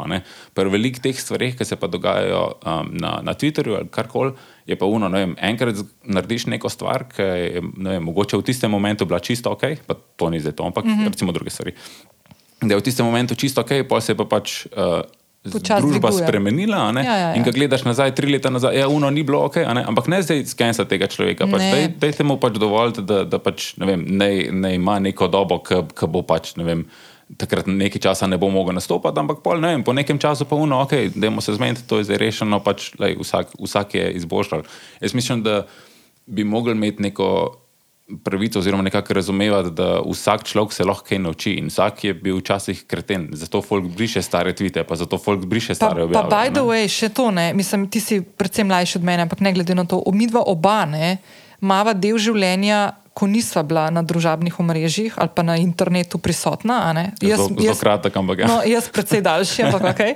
ampak veš, v tistih najbolj zagovedanih letih, ne, Dobar, čeprav, če gre nekdo v moje drobove, mojega Twitterja, med njih 50 tisoč tweetov za nazaj, par let, lahko fulejnih stvari -hmm. vidne. Ampak ravno to je to, ne, da tem, ta mularija zdaj ne, živi s tem skozi in okostnjaki mm -hmm. so in bodo in bodo padali, vsak od nas jih ima. Meni se zdi ful pomembno to, kar si ti zdaj rekel. Da se človeka ne skensla kar takoj, ampak da se mu da priložnost in možnost, mm -hmm. da mhm. pokaže s časom, kaj se nauči iz tega. Mm -hmm. Ne? Pa, veš, nekdo, ne, pa ne neke puhlice, zdaj bom pa jaz doniral društvu za nasilje nad uh, stand-up komiki. Ja, ja. Whatever, Se to je uno, ki je težko hmm. pač določiti, uh, ampak tle je, tle je, ne vem, vsi smo nekako. Um, um, Ne moreš se tega lotiti, pač cel, ne, cel Twitter, cel internet se spravi proti tebi in, in, in ne moreš noč. Ne, ne, da, ne da zagovarjam. Ne, ne, ne. Ampak pač, kar je naredil, je absolutno pač katastrofa. Ampak vseeno se mu mora dati pač nek, neka varianta, uno, ja, pač to si naredil, zdaj boš pač ne vem, nekaj drugega mogel narediti, in pol se pač lahko vrneš ja, nazaj ja, ja. v družbo in pač pokažeš, da si boljši. Ja. To, to je uno, vem, da, da, da dopuščamo, da ljudje pač ja, vsake delo kdaj napake, ampak pač dopuščaš to, da se človek lahko popravi, pa da pač ne dela ja, več teh da napak. Da naredi spremembo. Ne? ne pa da je zaznamovan zaradi te stvari do, do konca življenja. Ja, ja, ja. Um, Čeprav veš, smo se glih včeraj tudi malo pogovarjali, to mi je fulj zanimivo, ker se zdaj tudi malo spravljamo to. Um, razumevanje, raz, raziskovanje. Veš, ena stvar, ki se je v zadnjih letih, spet zaradi tega političnega korekt, korektnosti, pa je prav, da se je zgodila, da začnem najprej tako. Um, eno so te kvote ženske, ne, uh, s katerimi. Ful bi si želela, da jih ne brabal, ker imam občutek, da me kot žensko dajo v položaj žrtve, ki je treba pomagati. Ja. Ne, sem, jaz bi rada imela enak položaj, da ja. pridem do nekega. Ja, pol... ja, posledica tega je, da je pač neka ženska vem, pride na to pozicijo, da pa vsi govorijo, ti si tle samo zaradi kvot, ker je exactly. totalno škodo. škodo totalno škodo ja. Ampak um, ena, še ena stvar, ki se je zgodila, ne, je to uh, uh, predstavljanje v navednicah manjšin, zato da imaš ta, to raznolikost na različnih stvarih. Naprimer, v Ameriki imaš to, naprimer, uh, ful na teh raznih um, festivalih, ali pa naprimer, primer. Um, ne dobiš, uh, imaš super, super stvar, si naredil, super projekt si naredil, ampak si moški srednjih let, pa belc. Mm. In ne boš dobil fundinga, zato ker hočejo dajati in podpirati uh, vem, ženske ali pa istospolno usmerjene. Tako. Se strinjam, da se to dela. Jaz se to strinjam, jaz ne želim. Veš, tle se prihaja do tega, da pride neka. Nek družbeni zakon, zakon oziroma nek predpis, oziroma pravila obnašanja, vedenja, pride, se ga vrže na mizo in potem postane uh, ne važno, kakšna je osebina. Uh -huh. A veš, samo zato, da ti tiste kljukce delaš. Uh -huh. In jaz mislim, da imamo mi kot družba kolektivno ful velik stvari za narediti, zato ker je, mislim, da take odločitve in take načine delovanja škodijo vsem nam. Ja, se, mislim, hej, ne da to meniš, ker točno to so včeraj uh, zvečer na pijači govorila s kolegom, ki so pač iste debate. Da pač vsak problem nekako hočemo rešiti z enim enostavno rešitvijo, in pa bo pa vse ok. Črno-belo. Ja, noben se pa mm -hmm. ne mhm. zaveda, da to pač potegne stvari za sabo. Ne? Nek mm -hmm. tak klasičen primer je, recimo, ko so Angliji prišli v Indijo in je bilo ogromno kač in so rekli, da okay, za vsako ubito kačo dobite ne vem, pač en funt ali kako koli je bilo. In pol so Indijci začeli doma gojiti kače, ker so vedeli, okay, je več kač, ko imamo, več podnarja. Mm -hmm. In pol so Angliji rekli, o ne, to pa ni ok, in so pač skenirali ta, ta uh, rešitev problema. Ne? In ker naenkrat je bilo veliko več kač, kot jih je bilo prej. Mm -hmm. In so mhm. samo pač poslabšali problem. Ne? In isto je tle, pač, um, večkrat se je treba vem, vprašati. Ne, kako bomo mi zdaj to simpel dali nek flasher na, na to rano, ampak dajmo se pač sistemsko vprašati, um, kako lahko spodbudimo ljudi, da bojo pač drugače obnašali, kot se zdaj obnašajo, brez nekih zakonov, brez nekih kvot, brez nekih, ne vem, da, da, kot si rekla, da, da se ne gleda več na osebino. Ampak kako pomagati recimo ljudem, ki so manj privilegirani, ljudem, ki so iz, iz takih položajev, da pridejo na isto pozicijo, zapravo, da je lahko njihova osebina enaka ali najbrž boljša uh mhm. -huh. od nekoga, ki je, ne, kot se rekla, pelc srednjih let moški. Uh -huh. um, in pač jaz, jaz nimam s tem nič problema, problem je to, da vse to za sabo potegne druge stvari. In, mm -hmm. in Ampak to so, to so problemi, ki jih novo mi dva zdaj rešimo. Ne, ne, ne, ampak mi je ful dobro, ker se tako pogovarjamo o teh stvarih, ker ja. mi je ful dajo za misel in se mi zdi prav, da, veš, da, da, da če hočemo mi kot družba narediti nek napredek, res korak naprej, se moramo o takih stvarih pogovarjati, da ni dovolj, da ti rečeš, nesprejemljivo je, da se ne vključuje ljudi zaradi tega, ker so versko, spolno, uh, rasno, whatever, mm -hmm. drugačni. Itak, ne, nam šlo zdaj tudi v begunce, naprimer, pa barve koš pa tega, ne, naprimer, primer tak skrajen. Ampak tako, a veš, More biti tista stvar, za katero vsak bi lahko imel, se to vem, to je zdaj il, il, il, iluzija, pa mogoče malo naivnost. Ampak enak občutek bi lahko imel, da vsak lahko pride uh mhm. -huh. po enaki poti, z enakimi pravili in igro do tistih stvari. Ja, ne, mislim, ali je to projekt, ali je to služba, ali je to whatever. Valjda so razlike v družbi in tega, tega ne boš nikoli zmanjšal, ne glede na to, koliko eni hočejo, da bi šli nazaj uh -huh. v mhm. komunizem. Pač jaz mislim, da to ni. Um, Ja, Sem iz tega ne, ne vidim kot komunizem, ne, ne, vidim ampak, to kot neko solidarnost. Ne, ne, to, hočem, hočem reči, da pač ne, nek, ne moreš pričakovati, da bodo vedno vsi prišli iz enakih okolij in da bo vsem pač. Se ne enaka, bojo, ker je sistem narejen enako. Ne? Ja, se. Ja. Ampak kar jaz pravim, da komunizem ne bo tega rešil. Um, ja. Ampak kar pa pravim, da je pa absolutno treba dati vsem.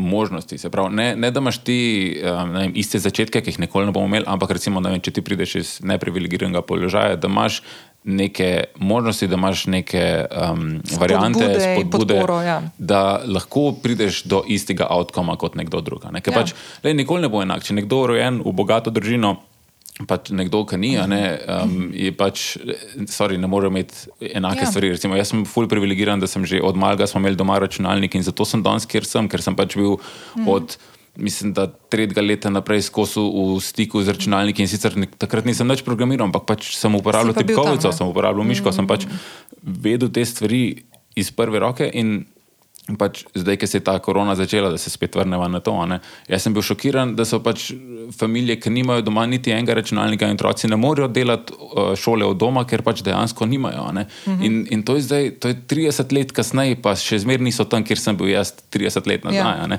In to je ono, ker ni ok, na čemer je treba delati. -huh. um, In je nesmiselno pričakovati, da bodo pač vsi imeli isti položaj, kot sem ga imel jaz, ampak vsem bi bilo pa nekako možen, da, da jim je omogočen prijeti do mm -hmm. podobnih stvari. Ja, ja. Po drugi poti, seveda, ampak pač, um, da, da, da imaš možnost priti do tega, da imaš možnost, če nimaš doma računalnika, ne vem, iti v neko učilnico ali nekaj, kjer imaš pač na voljo nekaj računalnika. Karkoli mm -hmm. pač to je zdaj ta primer, zato ker Kaj vidim na sebi, kaj najbolj poznamo, ne? ampak se še milijon drugih stvari. Ne? ne, milijon drugih stvari, pa tudi ena stvar, ki sem jo že enkrat omenila na podkastu, pa mi je dala ful za misel, ker sem enkrat poslušala.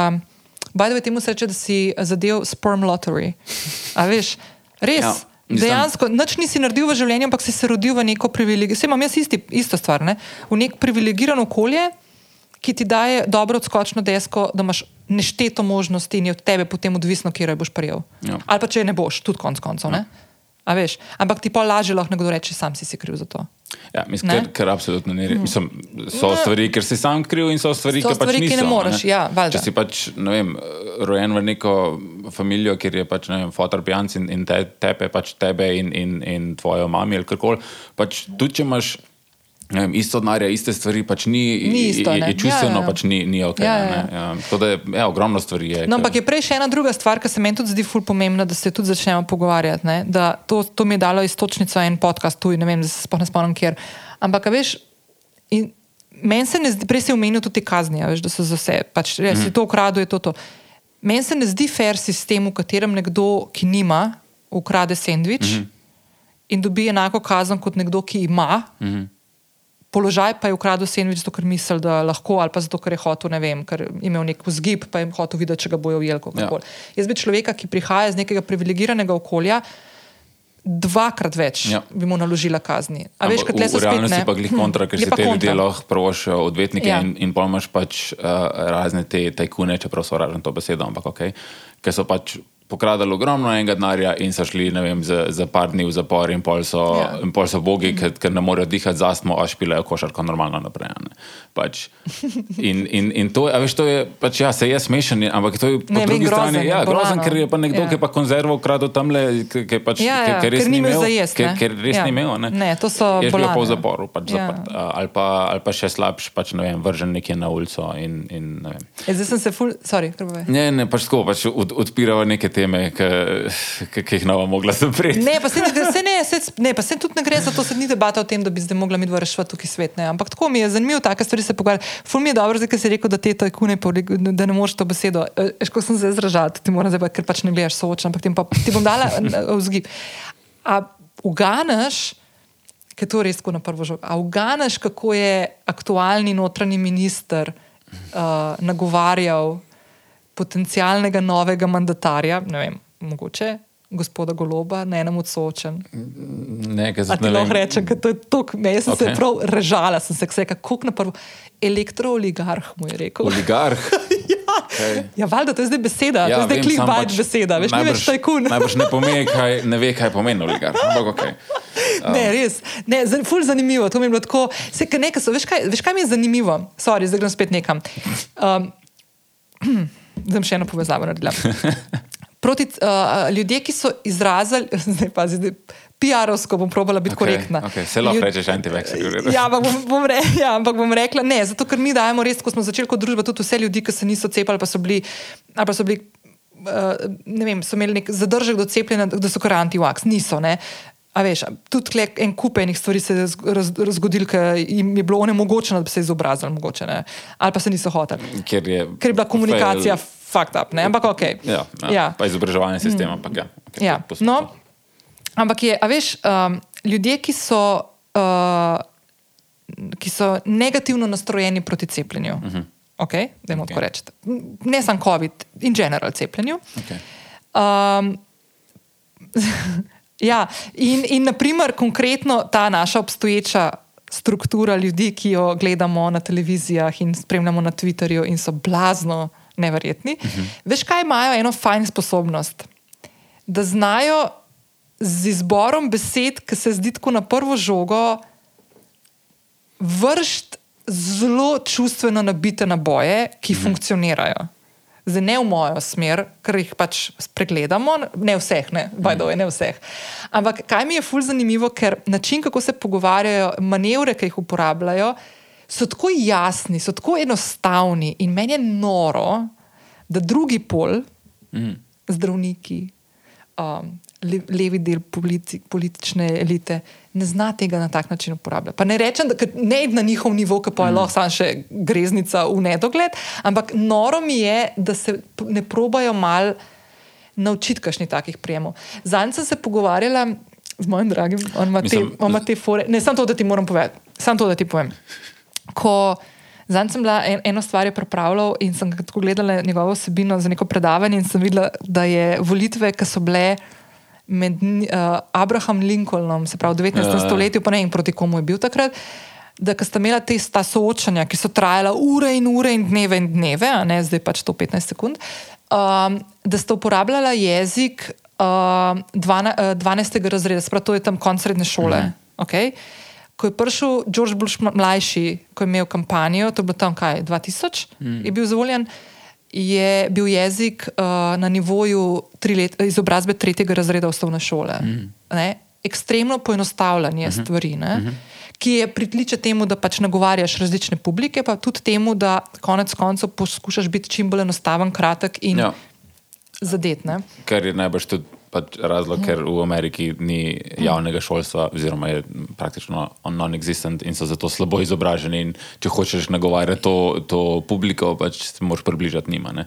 In tle je tudi, po moje, en um, problem, oziroma um, zakaj, kot so rekli zdravniki, pa levi pol pa to ne uporabljajo teh prijemov, ker se je zdi anti-intelektualen um, in, in se zdi pod nivojem mogoče. In, in nekako nočejo uporabljati, zdi, teh, teh tehnik, ki so zavajajoče. Pač niso...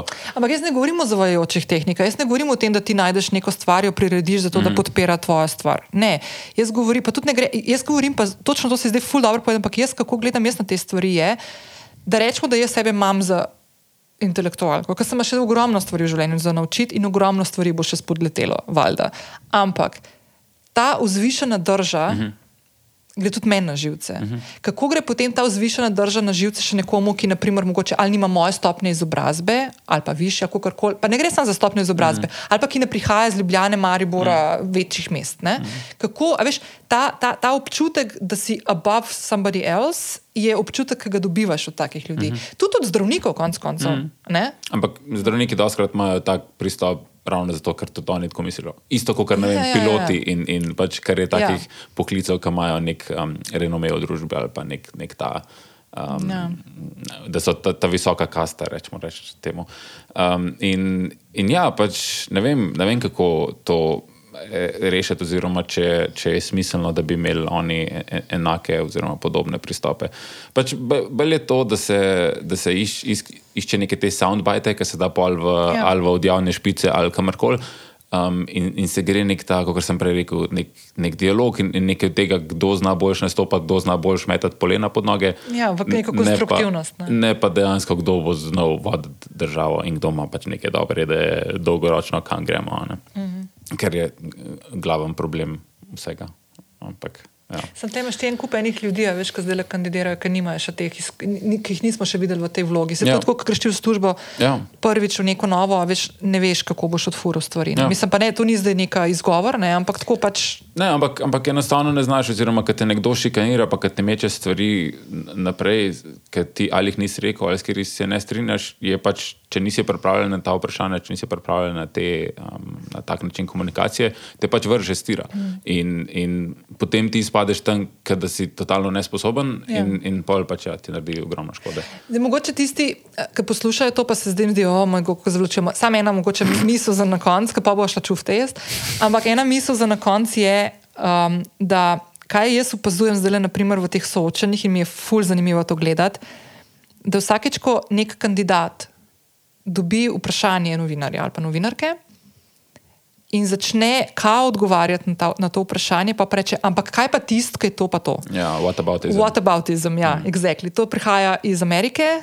Uh, en full dober film je na Netflixu, Get Me Roger Stone. Mm -hmm. sem, sem slišal, nisem še gledal. No, ki bo še enkrat prvolje. Mm. Ampak je ugaben. Ampak tam ti res pokaže, odkje se politiki učijo. In ta whataboutism ali pa laži, laži, laži, laži, ker to bo postalo resnica. Ja. Bote pozorni na take stvari, ker je ful je zanimiv, ker v takih momentih se ful pokaže, a je vsebina, a gre za napade, preusmerjanje pozornosti iz problema, ki ga se ga hoče izpostaviti na neki drugega, ki je običajno res neka puhlica na koncu, mm. brezvezna. Ampak se jo hoče narediti. Ja, pač to, to je pač odvrnjene pozornosti nekam drugam. Ne? Ja. Uh, pač don't look here, look there. Uh, ja. In, in ja, se pa dela ali, ali na takih stvareh, ali pač metati neke, čist, ja, neke, neke druge.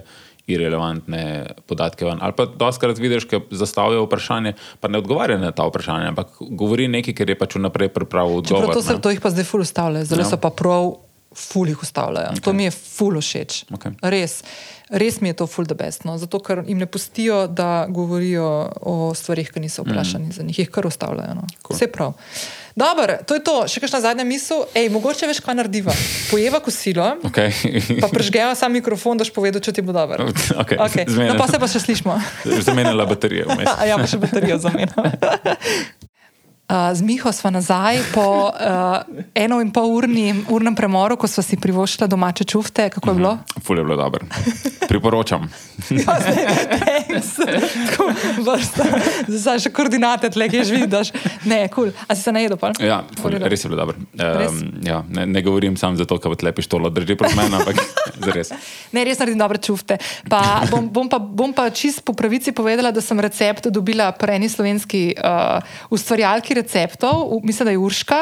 Pa bom ta link, uh, poleg vseh ostalih, ki sem jih omenila, dala tudi noter. Jaz sicer malo drugače naredim, ne uporabljam določenih stvari, ki jih je ona noter napisala, naprimer vegete ne dam noter. Mm ampak se mi zdi, da sem jih tako ful spila in so mi taki ful dobri. Ne, ja. res, res je dobro. No, res je dobro. Ja. Še kakšna zadnja misel?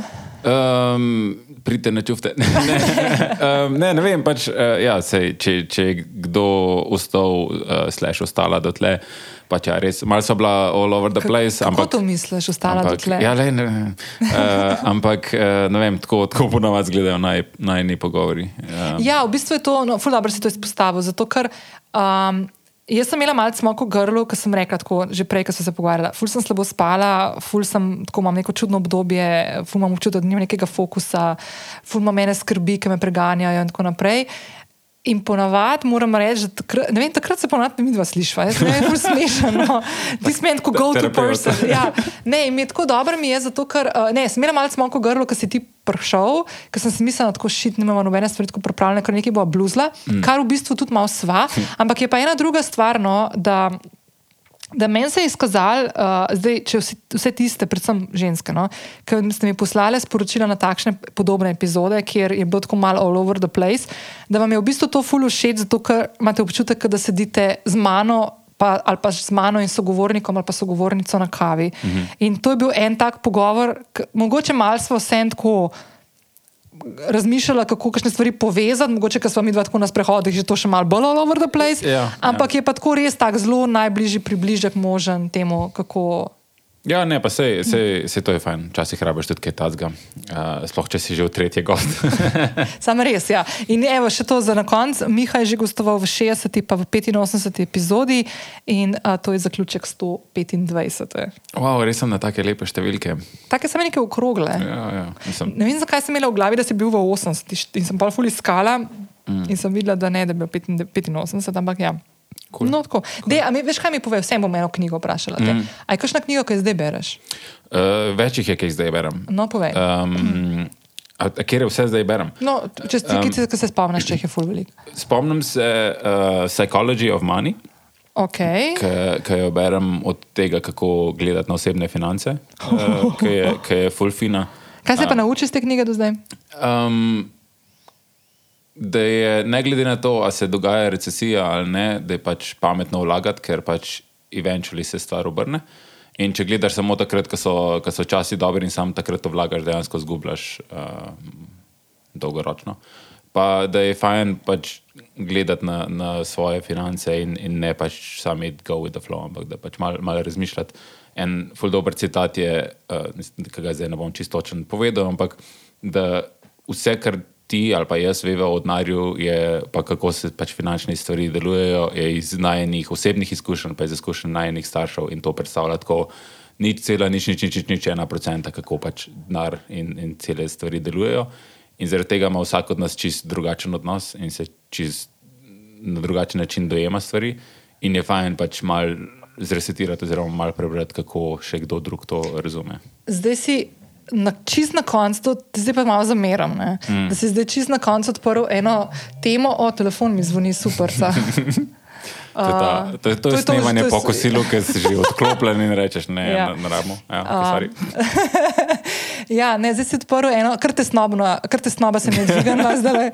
Zato, ker to je točno tema, ki meni zdaj dviguje največ te snobe. Mm -hmm. uh, in sicer že nekaj časa, uh, predvsem zato, ker sem totalno zgubljena v. Prvo, to sem že večkrat povedala, da, da imam izrazito nezdrav odnos do denarja, pa to ne pomeni tako, da frčkam pa zapravljam, pa ne vem kaj. Ne gre toliko za to, kot gre za to, da se moram prisiliti v razmišljanje, kako ustvariti, kako zaslužiti denar, kako mhm. živeti v tem občutku, da nimaš, mislim Ne, zdaj sem čisto iskrena. Uni, ki ste ostali do konca, ste zdaj dobili en čisto le, lepo pogled. Uni. ja, kdo je uni. Ne, res bom to, mislim, dajmo biti iskreni. Jaz živim zelo udobno življenje, kar ne pomeni, da jaz zapravljam fuldenarja, ampak povem lahko, da nam šlo neke ful detajle, da jaz imam naprimer mesečnih stroškov kot samostojna podjetnica, ki mora upravljati z uh, plačevanjem tistih stvari, ki jih ponovadi zaposleni ljudje imajo že plačane, pa bi bilo prav, da gledajo bruto plačo, ne samo neto plačo, ne, ker ja. je to ful pomemben. Ja. Ampak rečemo, da je to pri nas. Načeloma isto, ampak od svojega tega prisluženega denarja moram jaz potem tudi plačevati tiste stvari, zavarovanja, ja. pokojninsko in tako naprej, prispevke, ki ponavadi ljudem, ki so zaposleni, ne predstavlja nekih dodatnih, rečemo, ja, navednicah. Kaj plača delodajalca? Ker je to ta vmes, bruto neto. Ja. Ja. No, in jaz, če, če vzamem, ne, to ni strošek, ne, rečemo, da je to strošek, čeprav to ni strošek, ne, ker bi ga itak moglo odvesti. Strošek delodajalca. Ker, exactly, pač ker sem sama sebi, sama sebi, ja. Ja, ker sem sama sebi delodajalec. Prav, strošek mene kot delodajalke in tega, da imam jaz odprto podjetje. S tem, da priznam, plačujem ne, na, najmanjše, najnižje prispevke, kar je totalno narobe, se zavedam tega in si dajem fulejnih bič slepov v zadnjih mesecih, ker 11 let to počnem in to ne bo kul cool na dolgi rok in bom imela zaradi tega težave dolgoročno. Mm. Ja. No, Mislim, itak, mm. noben od naj ne bo imel penzije. Da... Ne, ne, pa se ne razmišljam niti o penziji, to no, ampak, ja, okay. ampak da dejansko en kup enega časa nisem razmišljala tako, kot bi želela danes, da začnem razmišljati in začnem delovati. Je, da jaz imam mesečnih stroškov, se pravi, s podjetjem, vodenjem od imeti odprto podjetje, računovodkinjo, akontacijo, dohodnine, levo, desno in z življenjem, se pravi, imam najem stanovanja v Ljubljani, uh, vsi stroški, ki pridejo za stanovanje, se pravi, brez hrane, brez benzina, imam nekje 1500 evrov. Ja tam malem. Ja, ja. To ni zdaj neka taka stvar, ki bi rekla, uh, lahko prehranam ali pa nekaj. Ne, to so moji fiksni stroški, ja. ki so mogoče po zimi malo večji, ja. pa polet malo nižji, ampak to govorimo za 450 evrov. Ja. In to je prekleto, ker se enkrat kole na trgu, je prekleto težko. Oziroma, ja, so meseci, ki je dober, so meseci, ki je malo slabš. In jaz ta tok up and down nekega tega samostojnega podjetništva fulovim in se ciklam. In imam eno obdobje, ki so dobre, in eno obdobje, ki sem malo bolj pod stresom. In konkretno, exactly. in trenutno sem pač pod stresom, zato ker se določene stvari počasneje odvijajo, kot sem si želela, da bi se odvijale. Do, na določene stvari imam jaz vpliv, na velik ja. njih nimam. To je, ta, to je ta rizik, ki ga mm. vzameš kot samostojni podjetnik. Vsi sam vidijo, pač, ja. koliko denarja dobiš. Ali pa recimo, kot se prej rekla, ker smo normiranci, pa plačamo um, veliko manj, kot recimo nekdo, ki je redno zaposlen teh ja. prispevkov. Ker bi jaz rekel, da ni problem, da je problem to, zakaj so prispevki za navadne delavce tako dragi in zakaj gre to gnarja države, ampak ne bomo odpirali te teme.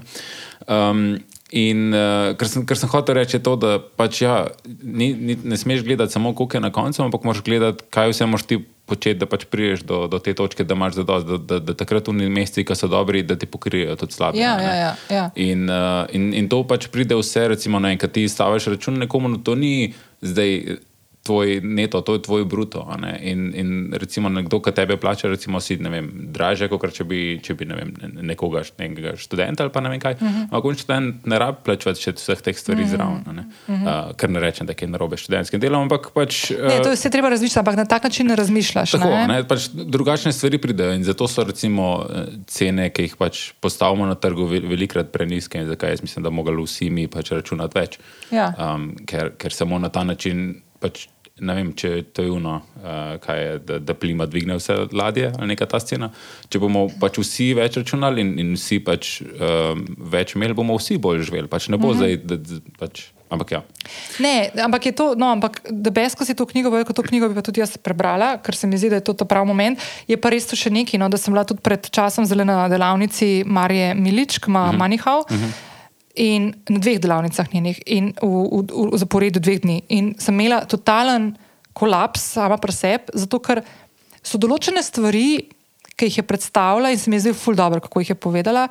Jezen rataš, ker jaz sem, zdaj, ko gledam za nazaj, 11 let sem na podjetniški poti, ful prevzemam krivdo na sebe ker se nisem sama podočila, ker kot podjetnica bi mogla določene stvari tudi sama se angažirati in, in, in izobraževati, se strinjam. Ne? Ampak, kje imam pa išil, je pa to, da se v celotnem življenju človek skozi sisteme izobraževanja, ki gre, nikjer ne sreča, ne vem kako je zdaj, nikjer ne sreča s tem, da bi se naučil. Ja.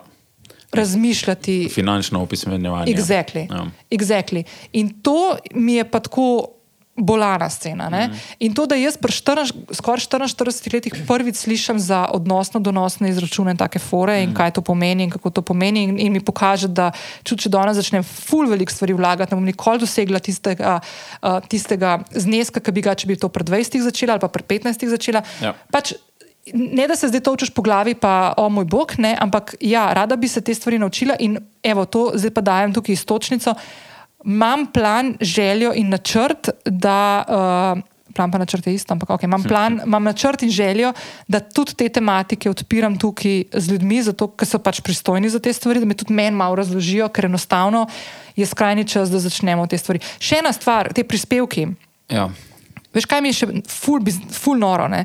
Da jaz sem že 11 let v tem in v 11 letih nisem dobila od servisa, ki ga imam najedga za precej visoke zneske uh, vsak mesec, nisem dobila informacije, kako si bi lahko več plačevala. Jaz vem, da si lahko več plačuješ prispevke, mm. ampak jaz si želim to, veš, da naplaniraš te stvari, mm -hmm. da veš, kam to gre, da kako boš to, kaj, kaj te bo to pomenilo dolgo, na dolgi rok. Mm -hmm. veš, to, en kup enih takih stvari je, ki ja, si prepuščen sam sebi, ampak se vrnem nazaj. Mm z vso odgovornostjo, ki jo sama sprejemam, ker sem jaz tista, ki sem odgovorna za svoje poslovanje. To, to kar si prej rekla, je tle fulfajn omenjen, uh, pa sem jih odprl citat, da je pač. Um, Warrena Buffeta vsi poznamo, oziroma smo še slišali za njega. Uh mhm. -huh. In tle, pač ne vem, kdaj je bila ta knjiga napisana, ampak je že nekaj uh mhm. -huh. let. In tle piše, da pač od takrat je imel 84,5 milijarde dolarjev in od tega je 84,2 milijarde dobu po njegovem 50. rojstnem dnevu. Ker to je pač ta, se pravi, uh -huh. on tudi v tej knjigi govori, da, da Buffett ni nič tako zelo posebnega kot investitor, samo začel je vlagati že pred 12 leti. In pač to se nabira, nabira, nabira, yeah. Ja. nabira in imaš yeah. Ja. pač ta obrestno obrestni račun, ki gre pač samo gora. Ne? Tako da, ja, prej, ko začneš boljše. Um, Ampak vse, to je, je pri vseh stvarih isto, ne samo pri denarju, tudi vlagati sebe. Prej, ko začneš yeah, yeah. uh, vase vlagati, prej lahko nekaj te. Um, Uh, pobiraš obresti od tega in si pač na dolgi rok boljši, ampak svet. Um, No, ja, kje je knjiga še? Omnivore's Dilemma od Michaela Polena, ki je full fine uh, pisatelj in napisal tudi še eno dobro How to Change Your Mind, ki je uh -huh. o, o psihedelikih, ta konkretno je pa o um, prehrani in koliko tega je v bistvu uh, industrijska prehrana in kako je recimo sploh uh, v Ameriki večina narejena iz koruze. Um, praktično vse, kar je še sestavljeno iz koruze, ker je vse narejeno iz koruze, zato je koruza tako pocen. Pa, kar imajo cele, ja. cele Middle America. Ja. Pa pa razlaga, kako gre na eno farmo, kjer um, dejansko na čist drugačen način pristopajo do tega in imajo vem, najprej travo, in pol pridejo, uh, pol dajo govedo gor, ki pač popase po mm -hmm. travo, in pol pelejo kure gor, ki pač uh, požrejo tisto, kar je mhm. goveda ostalo, in pol pelejo prešiče. Ne vem, kaj glavno tako pač ciklajo fulejnih žveli čez to, in koliko so pol te žveli bolj zdrave, in una uh, zemlja je bolj zdrava, ker se dejansko zemlja ustvarja. Glavno, mm. ful zanimiv tako z tehničnega vidika. Okay. Uh, ker zdaj berem, um, drugače pa, ja, da bomo ostali tle. A to zvečer bereš? Um, Psychology of Money berem uh, na, na Kindlu, kater imam cajt ponavadi, recimo, ja, popoldan zvečer. Uh, medtem, ko te velike poslušam knjige, Aha, kot audio. v audio knjige, ja, medtem, ko tečem. Aha, okay. uh, na, na dolgih tekih, na krajših podcaste, uh, na dolgih pa cool. kakšne knjige. Okay. Um, tako Top. da, ja. Da imamo pri teh dveh zaključkih drugače. Pa una, ki sem jo prej omenil, Apocalypse Never. To, če, mm -hmm. če, mhm. če je kakšna knjiga, ki jo priporočam z tega seznama, je to. Definitivno tisto. Ja, super, ne? Hvala. Ja, hvala tebi za vabilo. Naslednjič, naslednjič, naslednjič bomo govorili o finančnem opismenjevanju. Pa, bom pustila malo časa vmes. da, da se akumulira. um, prav, uh, ja, res, uh, hvala še enkrat. Hvala tebi. Ja. Lepo bodi. Enako, čau. čau. Evo, to je to. 1. april upam, da ste na kakšno dobro fora padali, če še niste, mogoče še boste. um, drugače pa, ja, uh, tole so kar take teme, s tem, ki smo zaključili z Miho danes. Um, Uh, joj, jaz sem kratko malce snobna, res tako ful slabo spim zadnje dneve, ravno zato, ker me fulmurijo nedoločene stvari, ki jih moram porihtati tudi pri sebi v življenju, uh, pa mal posinkati neke želje, pričakovanja, realnost in tako naprej. Tako da so kar taki uh, intenzivni uh, tedni za mano in verjetno tudi pred mano, in uh, malo vpliva na moje razpoloženje. Pa konec konca bom tudi iskrena, no, tudi na to, da se, ful sem se težko spravila ta teden prepraviti epizodo, res ful težko, zato ker uh, sem bila totalno uh, nemotivirana, brez neke posebne uh, ideje. Um, tako se mi zdi včasih, glede včeraj, ko sem na enem večerji pa med ko kolega, ta ameriški pisatelj Noah Čarni, pa nisem pisatelj, je tudi en kup drugih stvari, dela med drugim tudi podcaste. Je tako rekel, uh, kako pa lahko tako vsak teden, da ti kdaj zmanjka materijala. Sem rekla, je no, danes je torek, v petek moram dati vam podcast epizodo, noč nimam še narejen, jutri se pride Miha na gostovanje, pa, to, pa ne vem, ali bom to objavila v petek ali ne. Ja, pridejo taki trenutki in včasih je to tako res mal, ker čutim ful neko odgovornost do tebe, draga poslušalka, dragi poslušalec, da se pripravi vsebine, po katerih posegaš in jih čakaš vsak petek, da pridejo v, tvojo, v tvoj mobilni telefon, da tam prečakajo na aplikaciji. Ampak včasih je tako res malo težko. No? In hočem samo tako povedati, da, da ne bo tako zgledal, ker je vse neki roz in tako naprej, da dejansko lahko v življenju uh, briljiraš na kakšnih področjih, pa na kakšnih drugih je pa totalen polom. In jaz sem zdaj le to obdobje, ko enostavno mi je ful težko bilo uh, skupaj stopiti, uh, se posinkati in, in posneti epizodo, ki je zelo. Proti koncu gre to 125, in ja, bo mogoče naslednji teden malo boljši. Za vse tiste, ki ste mogoče zdaj tudi malo tako down v nekem razpoloženju, ali pa res ugotavljam, ko se pogovarjam z mojimi prijatelji, prijatelji, bližnjimi, da nas je veliko takih, ki imamo nek tak občutek, da neke izgubljenosti v tem trenutku. Tako da zgleda tudi nek čas, tak neke energije, se zgleda, ne vem, se sploh ne vem, kako to obesedati, ampak zgleda, da nismo edini v tem. No. Uh, pa povem to na glas, ker mogoče se bo še kakšna od vas ali pa kakšen od vas v tem najdu. Tako da tudi taki trenutki pridajo. Uh, in ja. No, tako. Uh, nač, lepo se majte, bodite lepo, uh, lep vikend vam želim. Itak se slišimo naslednji teden. Ne vem še s katero temo, zato ker se bom s tem ukvarjala naslednji teden. Ampak uh, imam pa v načrtu en, enega sogovornika, imam, v, v, imam idejo, pa uh, mislim, da bomo to naslednji teden speljali. To to. Lepo se majte še enkrat, uživite, radi se majte, pa se slišimo naslednji teden. Ciao!